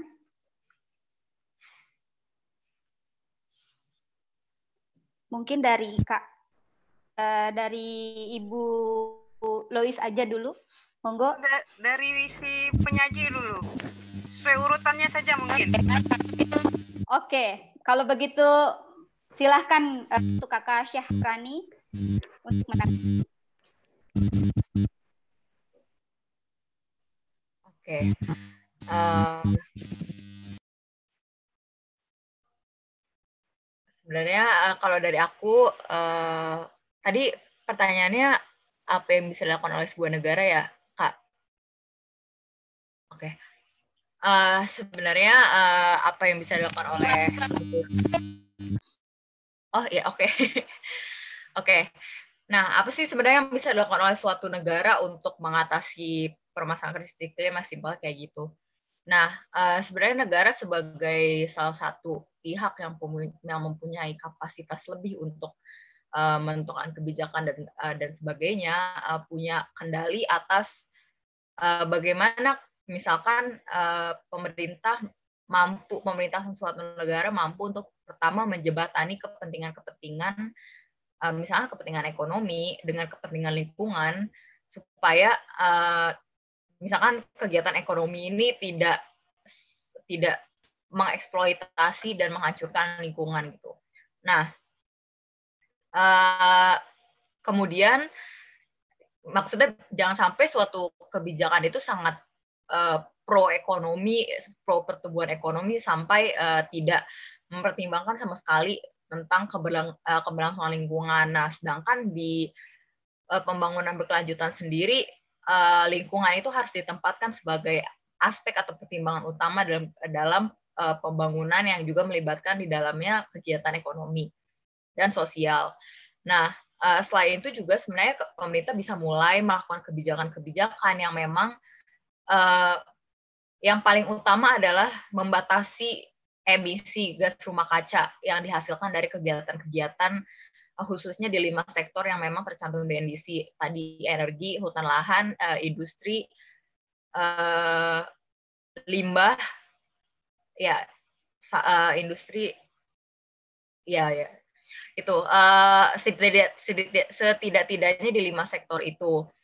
Khususnya di dua sektor penghasil emisi terbesar yaitu energi energi energi dan hutan dan lahan itu juga harusnya pemerintah mem mem memperketat gitu peraturan eh, memperketat kebijakan yang pada akhirnya uh, membiarkan kegiatan-kegiatan uh, yang malah menghasilkan emisi dari dua sektor ini gitu. Misalkan kayak sekarang alih-alih mendukung atau mendorong transisi energi masih kita masih masih ada 11 sampai 12 PLTU yang masih masih mau dibangun nih. Dia belum belum ada PLTU-nya jadi masih baru mau dibangun. Dan kayak uh, dengan disahkannya undang-undang minerba itu juga mempermudah izin uh, pemanfaatan dan uh, pertambangan batu bara yang kemudian me meningkatkanlah uh, penggunaan batu bara yang padahal uh, peningkatan penggunaan batu bara padahal uh, PLTU dan batu bara itu merupakan penghasil emisi terbesar bahkan gak cuma di Indonesia di tahun 2017 emisi Indonesia itu dari sektor energi paling besar. Di dunia sendiri itu merupakan penghasil emisi terbesar gitu uh, batu bara dan PLTU dan memang memang negara-negara di dunia uh, udah mulai berusaha mengurangi itu. Nah kemudian kalau dari sektor kehutanan Indonesia sebagai negara tropis yang suhu bumi makin panas aja kebakaran hutan itu merupakan suatu masalah tahunan lah kayak hampir setiap tahun kita mengalami uh, kebakaran hutan yang emisi yang dihasilkan juga nggak sedikit gitu dari kebakaran itu. Itu ada masalah-masalah permukaan yang mungkin harus diadres gitu sama pemerintah dan bisa diadres melalui kebijakannya. Dari aku itu. Oke, baik. Uh, terima kasih Kakak Syahrani. Mungkin selanjutnya bisa langsung ke Ibu Lois ya uh, untuk uh, memberikan uh, tanggapan dari dua pertanyaan tadi. Silakan. Mohon maaf ini pindah-pindah karena sinyal. Oke, terdengar ya? Pak terdengar? Oke, terdengar Ibu. Kayaknya jaringannya nggak bagus ya? Betul sekali. Oke. Di uh, QA, ini ada empat pertanyaan yang saya lihat ini dari ini Putu Ika Devina Sudarsana. Tapi ada beberapa pertanyaan yang mungkin saya nggak bisa jawab karena ini kayaknya ditujukan kepada Mbak Syahrani dan ditujukan kepada Walhi kayaknya dari empat pertanyaan ini. Yang saya jawab kira-kira yang ada berhubungan di luar konteks yang bisa saya jawab karena ada ada dua pertanyaan yang saya lihat untuk Walhi dan untuk Mbak Syahrani. Kalau tidak salah saya lihat dari uh, eh, Q&A ini. Jadi yang pertama dari Niputu Camat ini Fakultas Hukum, langkah apa yang dilakukan sebuah negara untuk mengatasi perubahan iklim, serta bagaimana negara dapat menggabungkan tujuan iklim dengan pembangunan berkelanjutan untuk membangun. Nah sebenarnya saya bilang tadi kalau bicara uh, uh, apa pembangunan berkelanjutan ini kan memang sudah sudah lama ya asas apalagi asas keberlanjutan ini di undang-undang uh, lingkungan hidup yang pertama sampai Undang-Undang Lingkungan Hidup yang eh, 32 tahun 2009 itu asas keberlanjutan itu selalu dimasukkan apalagi kencangnya di Undang-Undang 32 tahun 2009 ini ya tentang eh, perlindungan dan pengelolaan lingkungan hidup.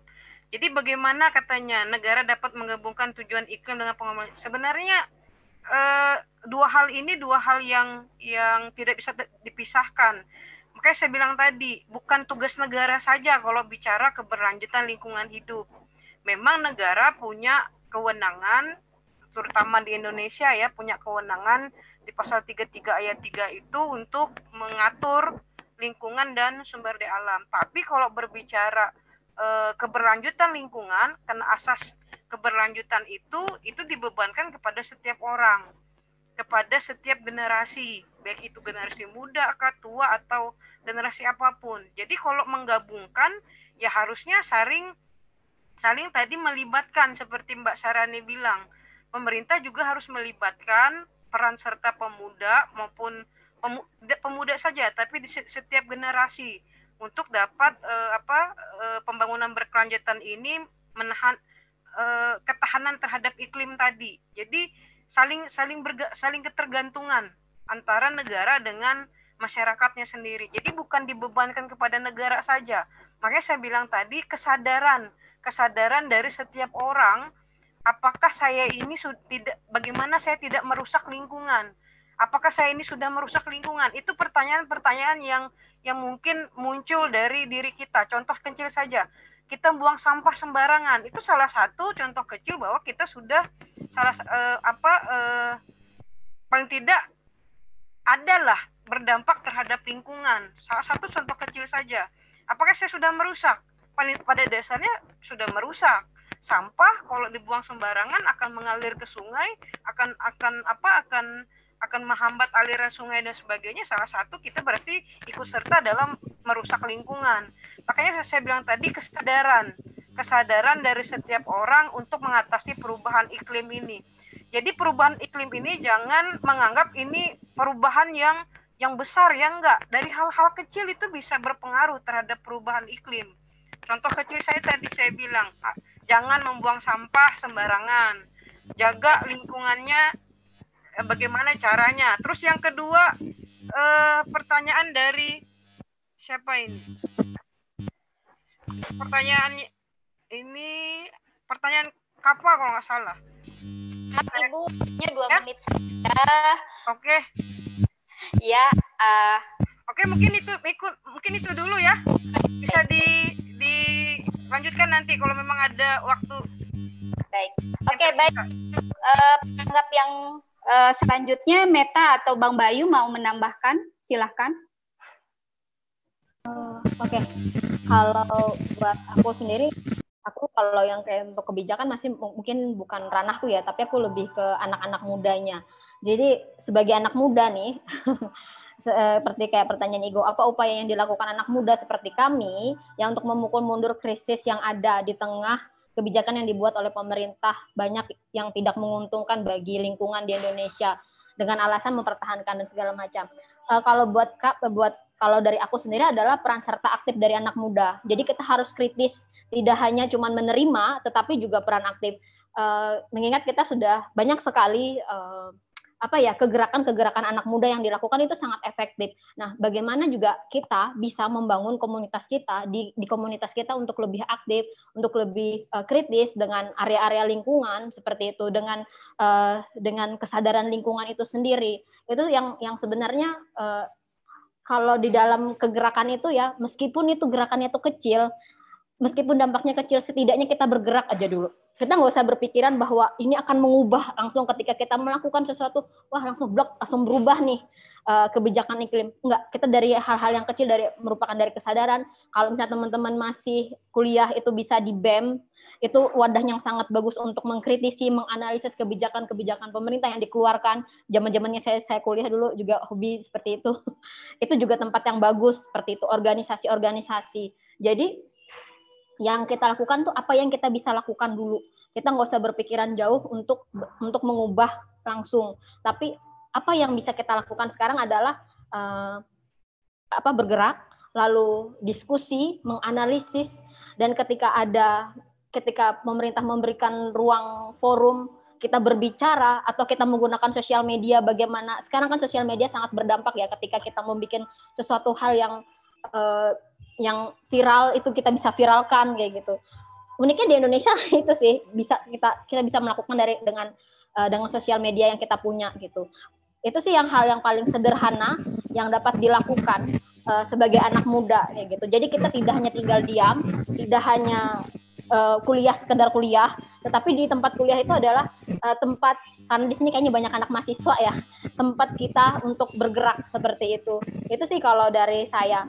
Dan kalau kalau boleh saya juga menanggapi pertanyaan uh, peran apa negara dalam berperan untuk merubah iklim, kalau saya pribadi adalah menghentikan perizinan untuk operasi besar.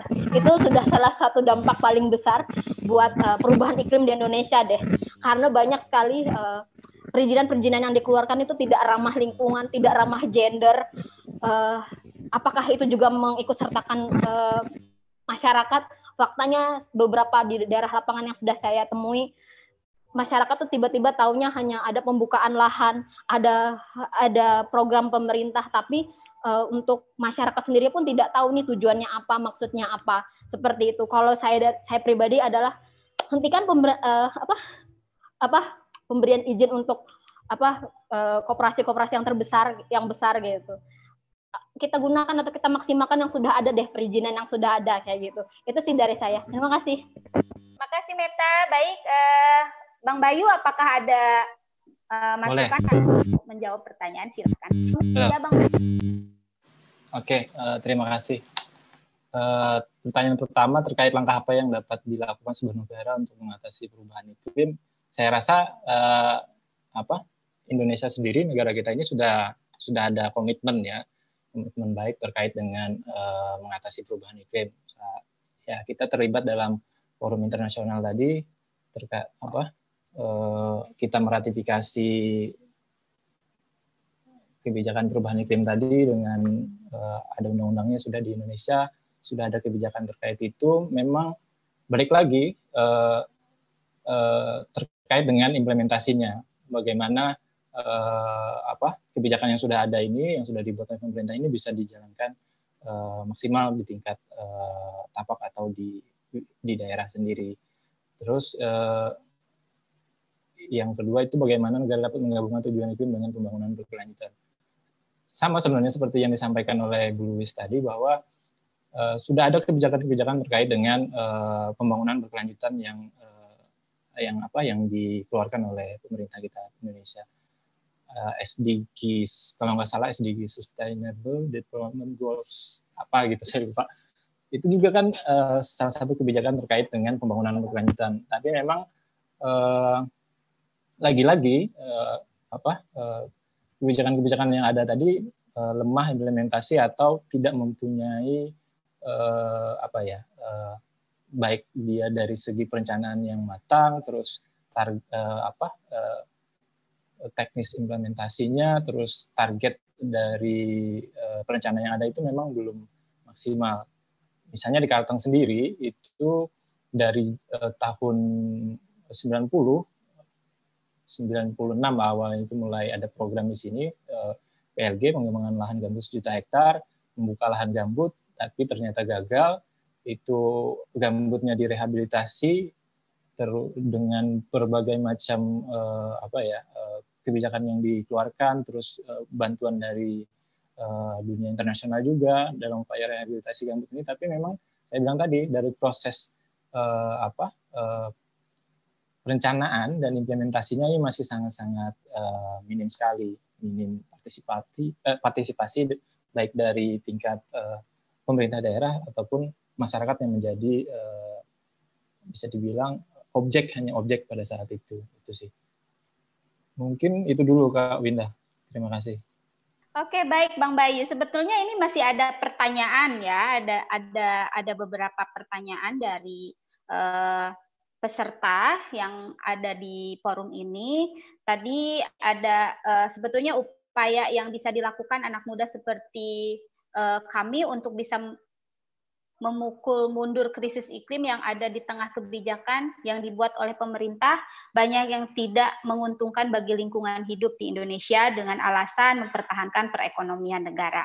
Nah, kemudian eh, ada pertanyaan apa motivasi yang membuat kakak-kakak yang ada di sini baik itu sebagai narasumber maupun sebagai penanggap eh, selalu semangat dalam memperjuangkan uh, dalam perjuangan ini dalam fenomena sekarang ini mengenai pembukaan lahan besar-besaran yang ada di Kalimantan Tengah yang kita tahu kaya akan lahan gambutnya yang sangat berguna untuk menyimpan karbon. Bagaimana peran Walhi untuk membuat kesadaran masyarakat untuk melestarikan lahan gambut yang semakin menipis khususnya di Kalimantan Tengah ini agar tetap terjaga dan tidak merusaknya. Oke, ini adalah pertanyaan untuk uh, walhi baik itu walhi walhi di mana di nasional maupun walhi di Kalimantan Tengah. Silahkan untuk menjawab uh, mungkin dari Bang Bayu lanjut ke Kakak Syahkani. Oke, uh, terima kasih. Menarik sekali pertanyaannya. Jadi uh, kalau belajar dari pengalaman kita sebenarnya terkait dengan apa kesadaran masyarakat ya sebenarnya masyarakat ini sudah punya kesadaran yang baik terkait dengan uh, apa ya pelestarian lingkungan atau uh, pengelolaan wilayah kelola yang mereka lakukan baik itu di hutan ataupun di gambut.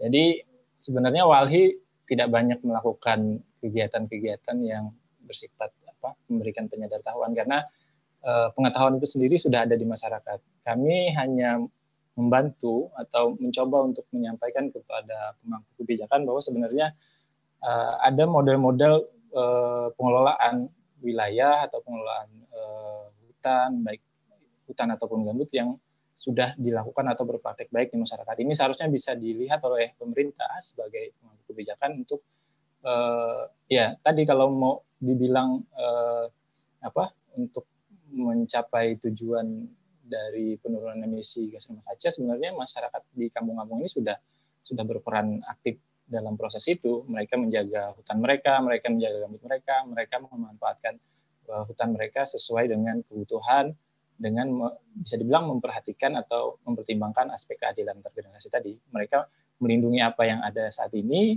mengelola apa yang ada saat ini untuk kebutuhan mereka dan juga uh, yang akan datang, generasi yang akan datang. Yang kedua tadi apa ya? Pertanyaannya.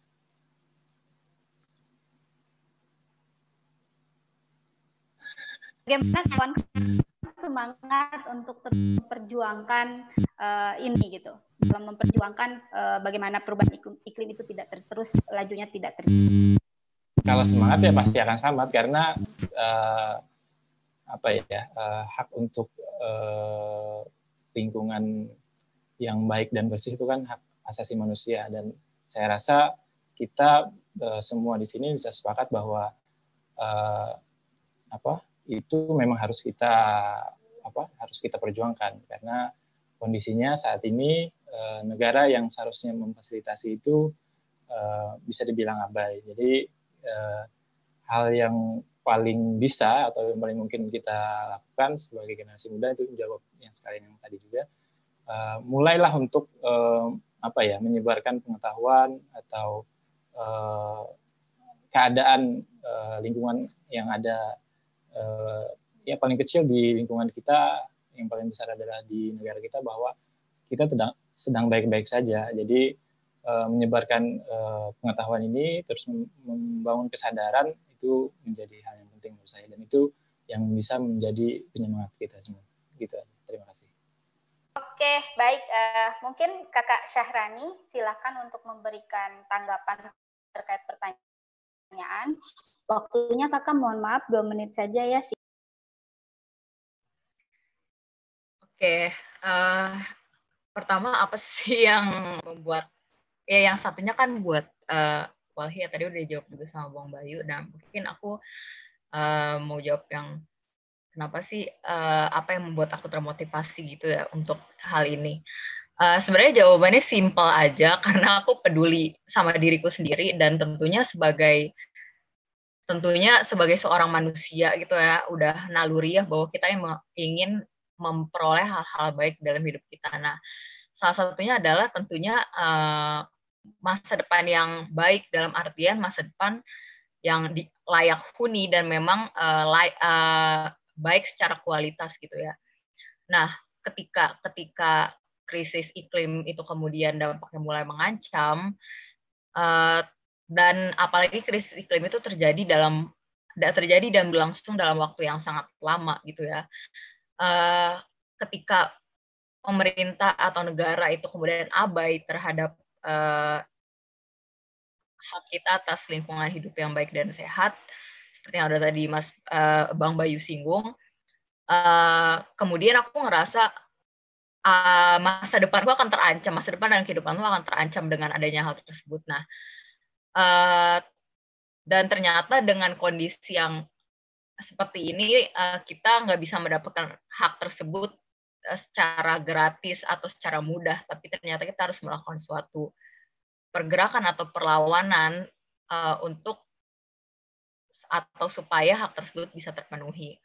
Nah, uh, mungkin itu sih kurang singkatnya yang yang selalu memotivasi aku untuk bergerak karena uh, ini juga bukan cuma tentang diriku sendiri tapi uh, tentang orang-orang di sekitarku uh, mungkin kalau misalnya teman-teman mungkin untuk uh, kalau teman-teman punya uh, apa ya hubungan-hubungan yang dekat dengan kerabat atau saudara atau keluarga. Nah, ketika kita memperjuangkan untuk iklim yang lebih baik, kita juga memperjuangkan kehidupan mereka gitu. Gak cuma kehidupan kita kita aja, tapi kehidupan mereka dan kehidupan umat manusia seluruhnya. Cuman itu gak, tentunya nggak bisa dilakukan secara sendiri karena nggak mungkin satu orang bisa mengubah dunia. Nah, tapi uh, oleh karena itu makanya perlu perlu banyak orang, perlu teman-teman juga nih yang ada di sini untuk mulai mengajak orang mengajak diri sendiri dan orang-orang di sekitar teman-teman untuk bergerak bersama nih bareng-bareng kita harus menyadarkan bahwa krisis iklim itu ancaman yang memang benar-benar nyata dan kita perlu upaya serius untuk uh, menyelesaikan permasalahan tersebut. Gitu.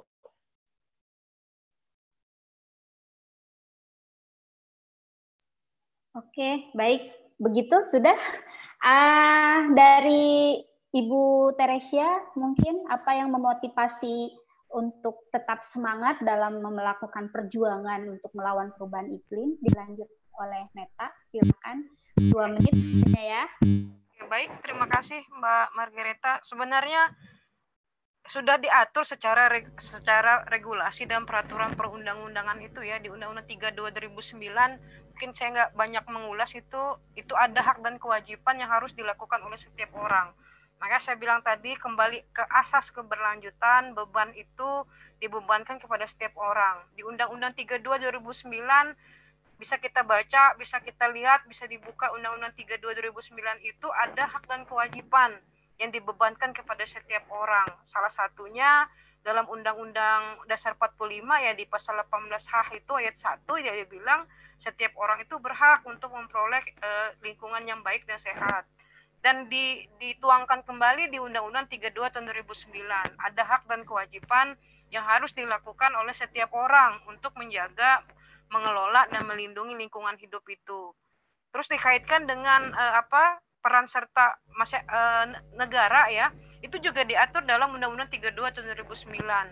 Ada beberapa pasal ya dari pasal 5 sampai pasal 11 misalkan dari pasal 12, pasal 13 itu salah satu peran e, pemerintah dalam e, melakukan perlindungan dan pengelolaan lingkungan hidup. Tapi pada dasarnya agar ini berjalan dengan baik harus ada tadi keterlibatan generasi muda terutama, tapi generasi muda ini yang kadang-kadang yang punya niat untuk me, apa me, melanjutkan fungsi lingkungan yang baik dan sehat ini ya, yang kadang-kadang menumbuhkan itu yang yang saya rasa uh, perlu di, digalakkan misalkan tadi ada contohnya dengan memviralkan bagaimana cara me menjaga melindungi lingkungan hidup itu. Tapi kalau bicara bagaimana caranya, itu sudah ada dalam Undang-Undang 32 2009. Tinggal kita sendiri bagaimana kesadaran generasi setiap generasi ini untuk melakukan itu.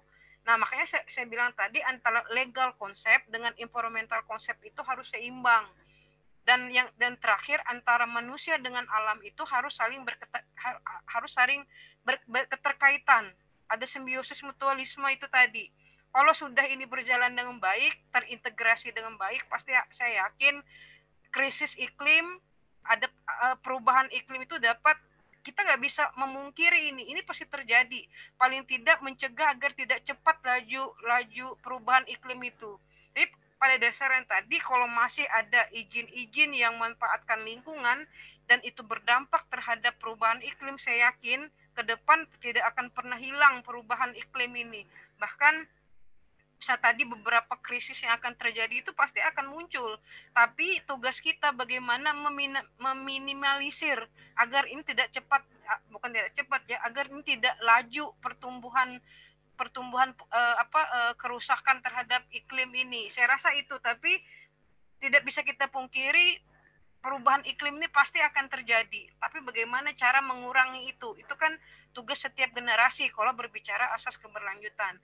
Jadi untuk untuk hak dan kewajiban itu silahkan anda buka kembali itu sudah diatur dalam sebuah peraturan perundang-undangan tinggal kesadaran uh, setiap generasi lagi dan bagaimana cara generasi muda ini untuk apa ikut serta dalam pengelolaan dan perlindungan lingkungan hidup. Mungkin itu Mbak Margareta saya nggak bisa panjang lebar waktu akan mengejar waktu ini. Tapi kalau bicara diskusi di luar oke okay lah saya bersedia untuk itu Mbak Mbak Margareta. Mungkin itu dari saya. Terima kasih satu lagi untuk Meta waktunya uh, dua menit saja karena memang waktu uh, sudah tidak memungkinkan untuk kita melanjutkan. Tapi di sesi lain kita bisa uh, ter terus diskusi terkait bagaimana kita uh, memerangi laju perubahan iklim. Silakan Meta menit saja. Kalau aku ditanyakan motivasi uh, motivasiku simpel ya karena aku dari desa. Dulu waktu kecil aku sering main itu main di sungai. Terus sungai itu jernih ikannya bisa dilihat tapi pada saat ini sekarang di belakang rumahnya nenekku itu sudah berubah jadi kelapa sawit. Jadi uh, karena sudah bagi orang terdampak jadi apakah aku harus diam? Itu enggak gitu. Jadi motivasiku adalah ketika aku melihat desaku sudah hancur uh, saatnya juga aku berharap tidak semua desa itu sudah hancur juga karena konsesi-konsesi sawitan kayak gitu. Terus aku juga memikirkan bagaimana nanti keponakanku ke depannya apakah dia bisa menikmati sungai yang bersih apakah dia bisa berenang di sungai, apakah dia bisa mengambil sayur di hutan, itu itu yang uh, yang yang membuat aku motivasi agar uh, agar cerita apa ya bah, agar uh, apa yang alam alam Borneo ini bukan hanya sebagai dongeng bisa tidur di akan datang tetapi itu memang masih bisa dinikmati oleh generasi yang dia akan datang baik sekarang maupun yang yang akan nantinya itu sih motivasi yang simple aja. Baik terima kasih Meta. Ya e, bicara tentang perubahan iklim tentunya kawan-kawan di sini juga semua sudah tahu bagaimana laju perubahan iklim ini setiap tahunnya setiap harinya semakin e, memperparah situasi dan kondisi di dunia. Nah, uh, menarik di dalam diskusi ini karena ada beberapa yang saya catat, bukan beberapa tapi banyak sekali bagaimana uh, juga pemerintah yang seharusnya uh, dalam proses perencanaan itu melibatkan seluruh elemen baik itu masyarakat, lembaga maupun kaum muda karena bicara tentang kaum muda yang akan uh, apa namanya meneruskan kehidupan juga uh, di dalam pelibatan pemerintah dalam membangun sistem kebijakan yang berkeadilan. Baik, uh, tapi di sisi lain uh, apa namanya uh, ini bukan menurut Ibu Teresia ini bukan tanggung jawab pemerintah untuk uh, menurunkan emisi dan lain-lain, tapi bagaimana juga masyarakat, kaum juga peduli. Tapi yang harus digarisbawahi juga bahwa perubahan iklim yang terjadi saat ini adalah bukan karena terjadi begitu saja, tapi karena berbagai aspek uh, apa banyaknya investasi, banyaknya korporasi yang masuk ke khususnya Kalimantan Tengah dan uh, begitu banyak menyumbangkan emisi kepada uh, dunia kita, kepada bumi kita. Nah, untuk itu saya minta kepada masing-masing uh, pen, maupun penanggap, baik itu narasumber untuk memberikan closing statement uh, untuk diskusi kita kali ini. Mungkin uh, saya minta kepada Bang Bayu dulu uh, terlebih dahulu untuk memberikan closing statement. Silahkan, waktunya uh, satu menit saja. Ya, baik. Uh, terima kasih.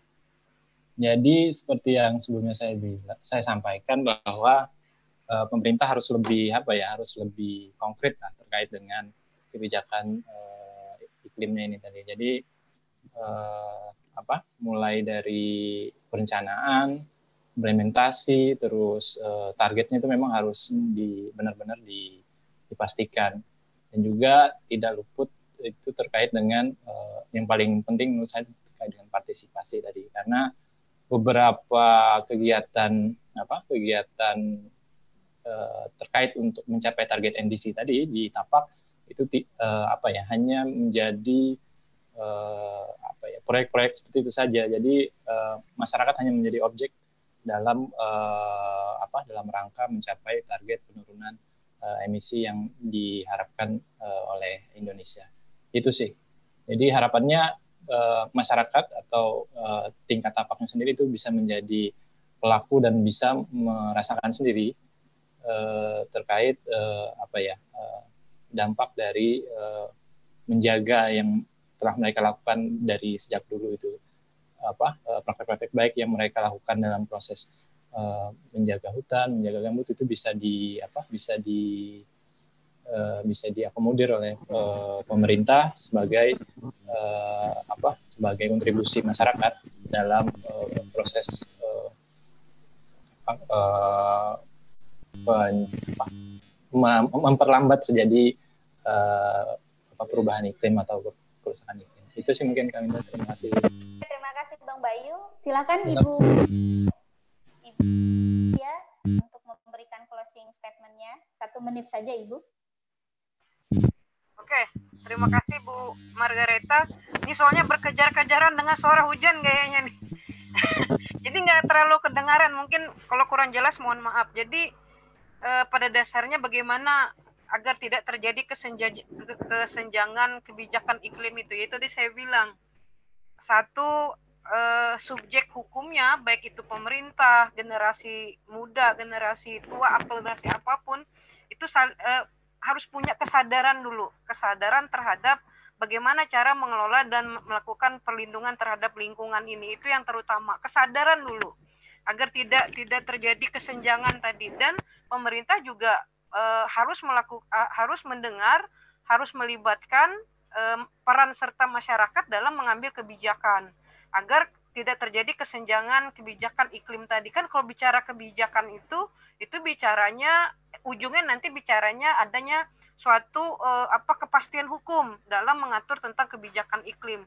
Kepastian hukum ya harus dibuat dalam sebuah peraturan perundang-undangan dalam uh, apa mengatur masalah kebijakan iklim ini.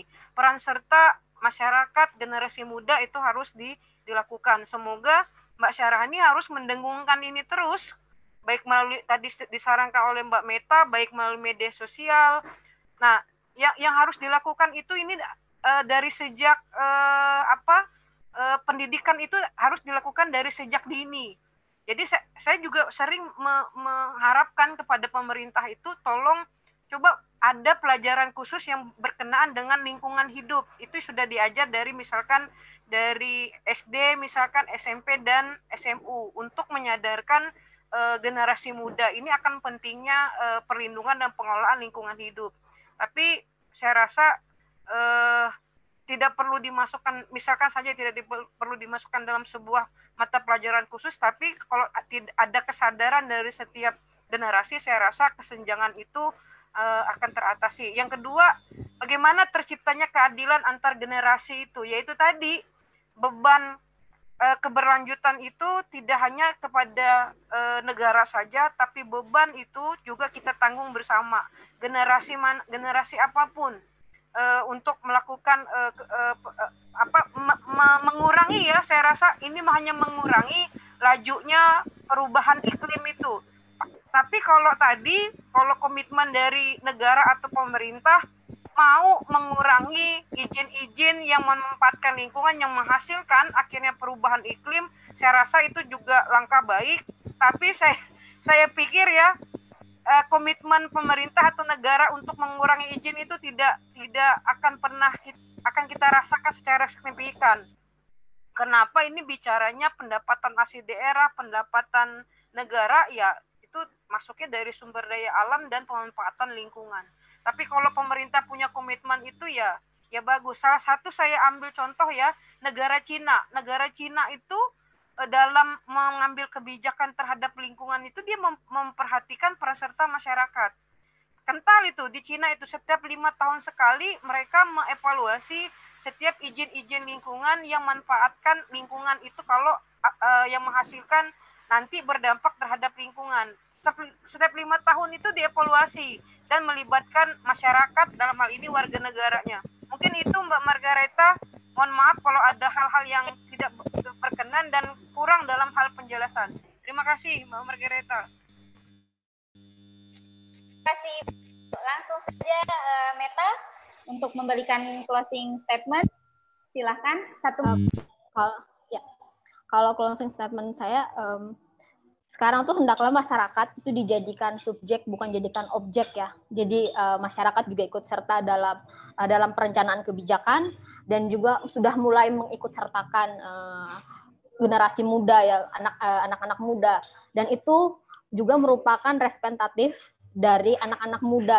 Jangan hanya karena ini sudah pesanan dan pesanan dan pesanan. Karena seperti kita lihat kayak gitu uh, di apa ya di struktur pemerintahan pun menggunakan anak muda. Tapi pertanyaan apakah itu sudah representatif untuk anak muda? Itu pertanyaan garis besar. Dan itu juga harapannya bahwa uh, jadi adanya apa ya keadilan iklim ini tidak hanya saja perannya dari uh, generasi yang saya bilang senior ya saya tidak mau tua tapi generasi senior juga sudah mulai mempersiapkan generasi muda uh, untuk uh, untuk juga memikirkan uh, keberlangsungan iklim yang ada yang ada saat ini terus untuk mempertahankan sustainable. Jangan hanya sustainable istilahnya sustainable tapi itu hanya retorika saja, hanya untuk mempercantik bahwa sebenarnya negara kita ini sudah lagi sekarat nih kayak gitu. Jadi supaya nggak kelihatan sekarat jadi kita tuh harus menggunakan sustainable sustainable kayak gitu. Itu sih yang uh, dari saya dan yang paling garis poinnya adalah generasi muda ikut bukan hanya untuk sekedar pemenuhan supaya wah cantik-cantikan tapi memang itu representatif dari anak-anak muda. Itu terima kasih. Terima kasih Meta. Langsung saja terakhir untuk kakak Syahrani. Silahkan karena memang waktu kita sudah tidak banyak ya kakak. Satu menit saja.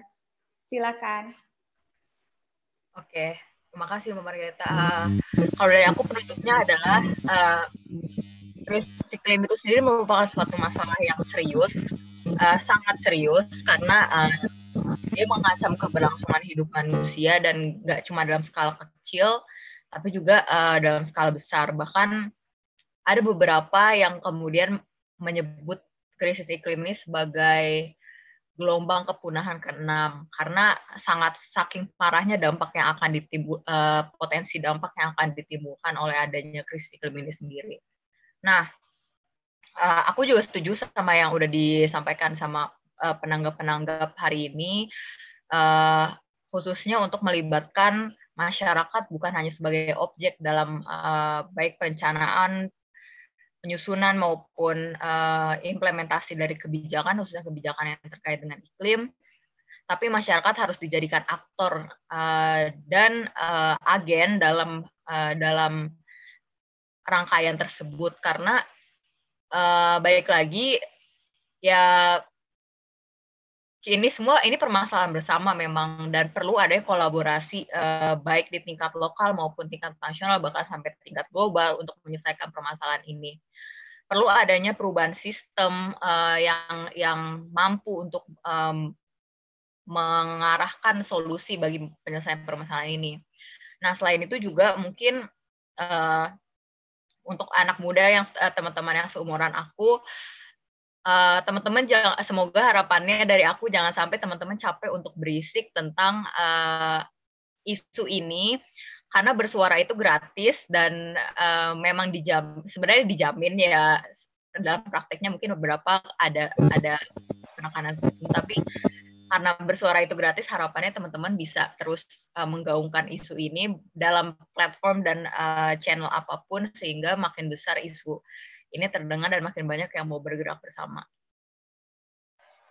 Oke, terima kasih Kakak Syahrani, menarik sekali. Jangan uh, diam, jangan takut untuk berisik karena berisik itu gratis gitu untuk terus menyuarakan untuk bagaimana perubahan iklim ini uh, bisa dihentikan atau bisa diperlambat untuk uh, bagaimana laju perubahan iklim ini terjadi.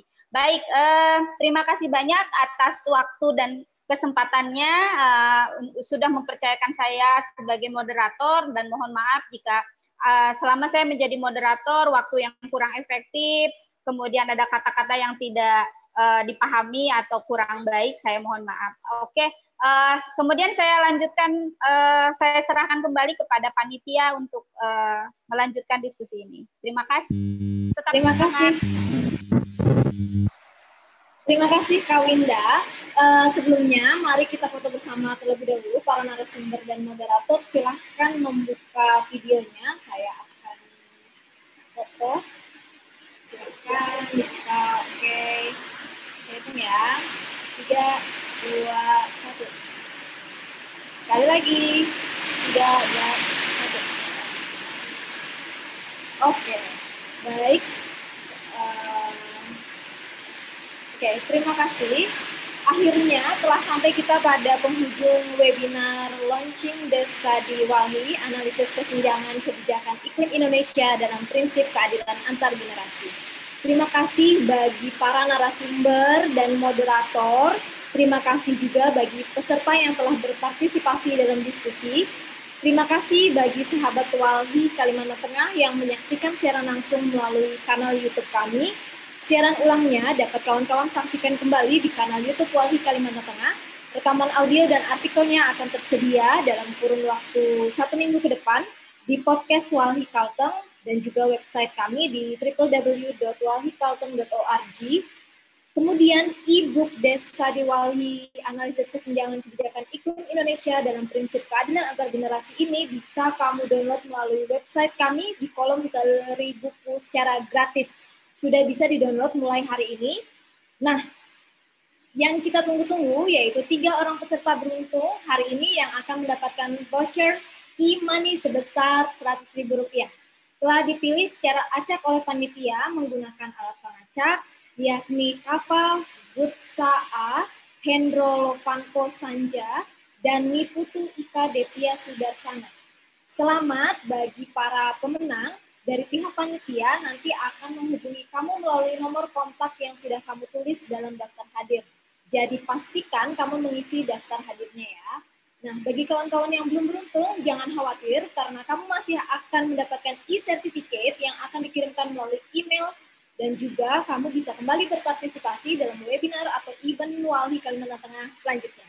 Makanya jangan sampai ketinggalan info terupdate dari kami melalui platform media sosial Walhi Kalimantan Tengah di, di Facebook page Walhi Kalimantan Tengah, Twitter at Walhi underscore Kalteng, Instagram at Walhi Kalteng, dan TikTok Walhi Kalteng mengulang kembali yang disinggung oleh Kak Rance tadi dalam paparannya, sebuah kutipan dari Wendell Berry, seorang aktivis lingkungan yang menyebut bahwa kita tidak mewarisi bumi dari nenek moyang, tapi kita meminjamnya dari anak cucu kita.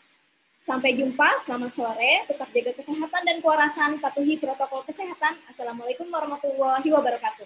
Sebagai penutup akan ada penayangan video musik dari MAN dan komunitas Dayak Tomun dari Kabupaten Lamandau produksi Walhi Nasional Hutan Indai Kito. Check it out.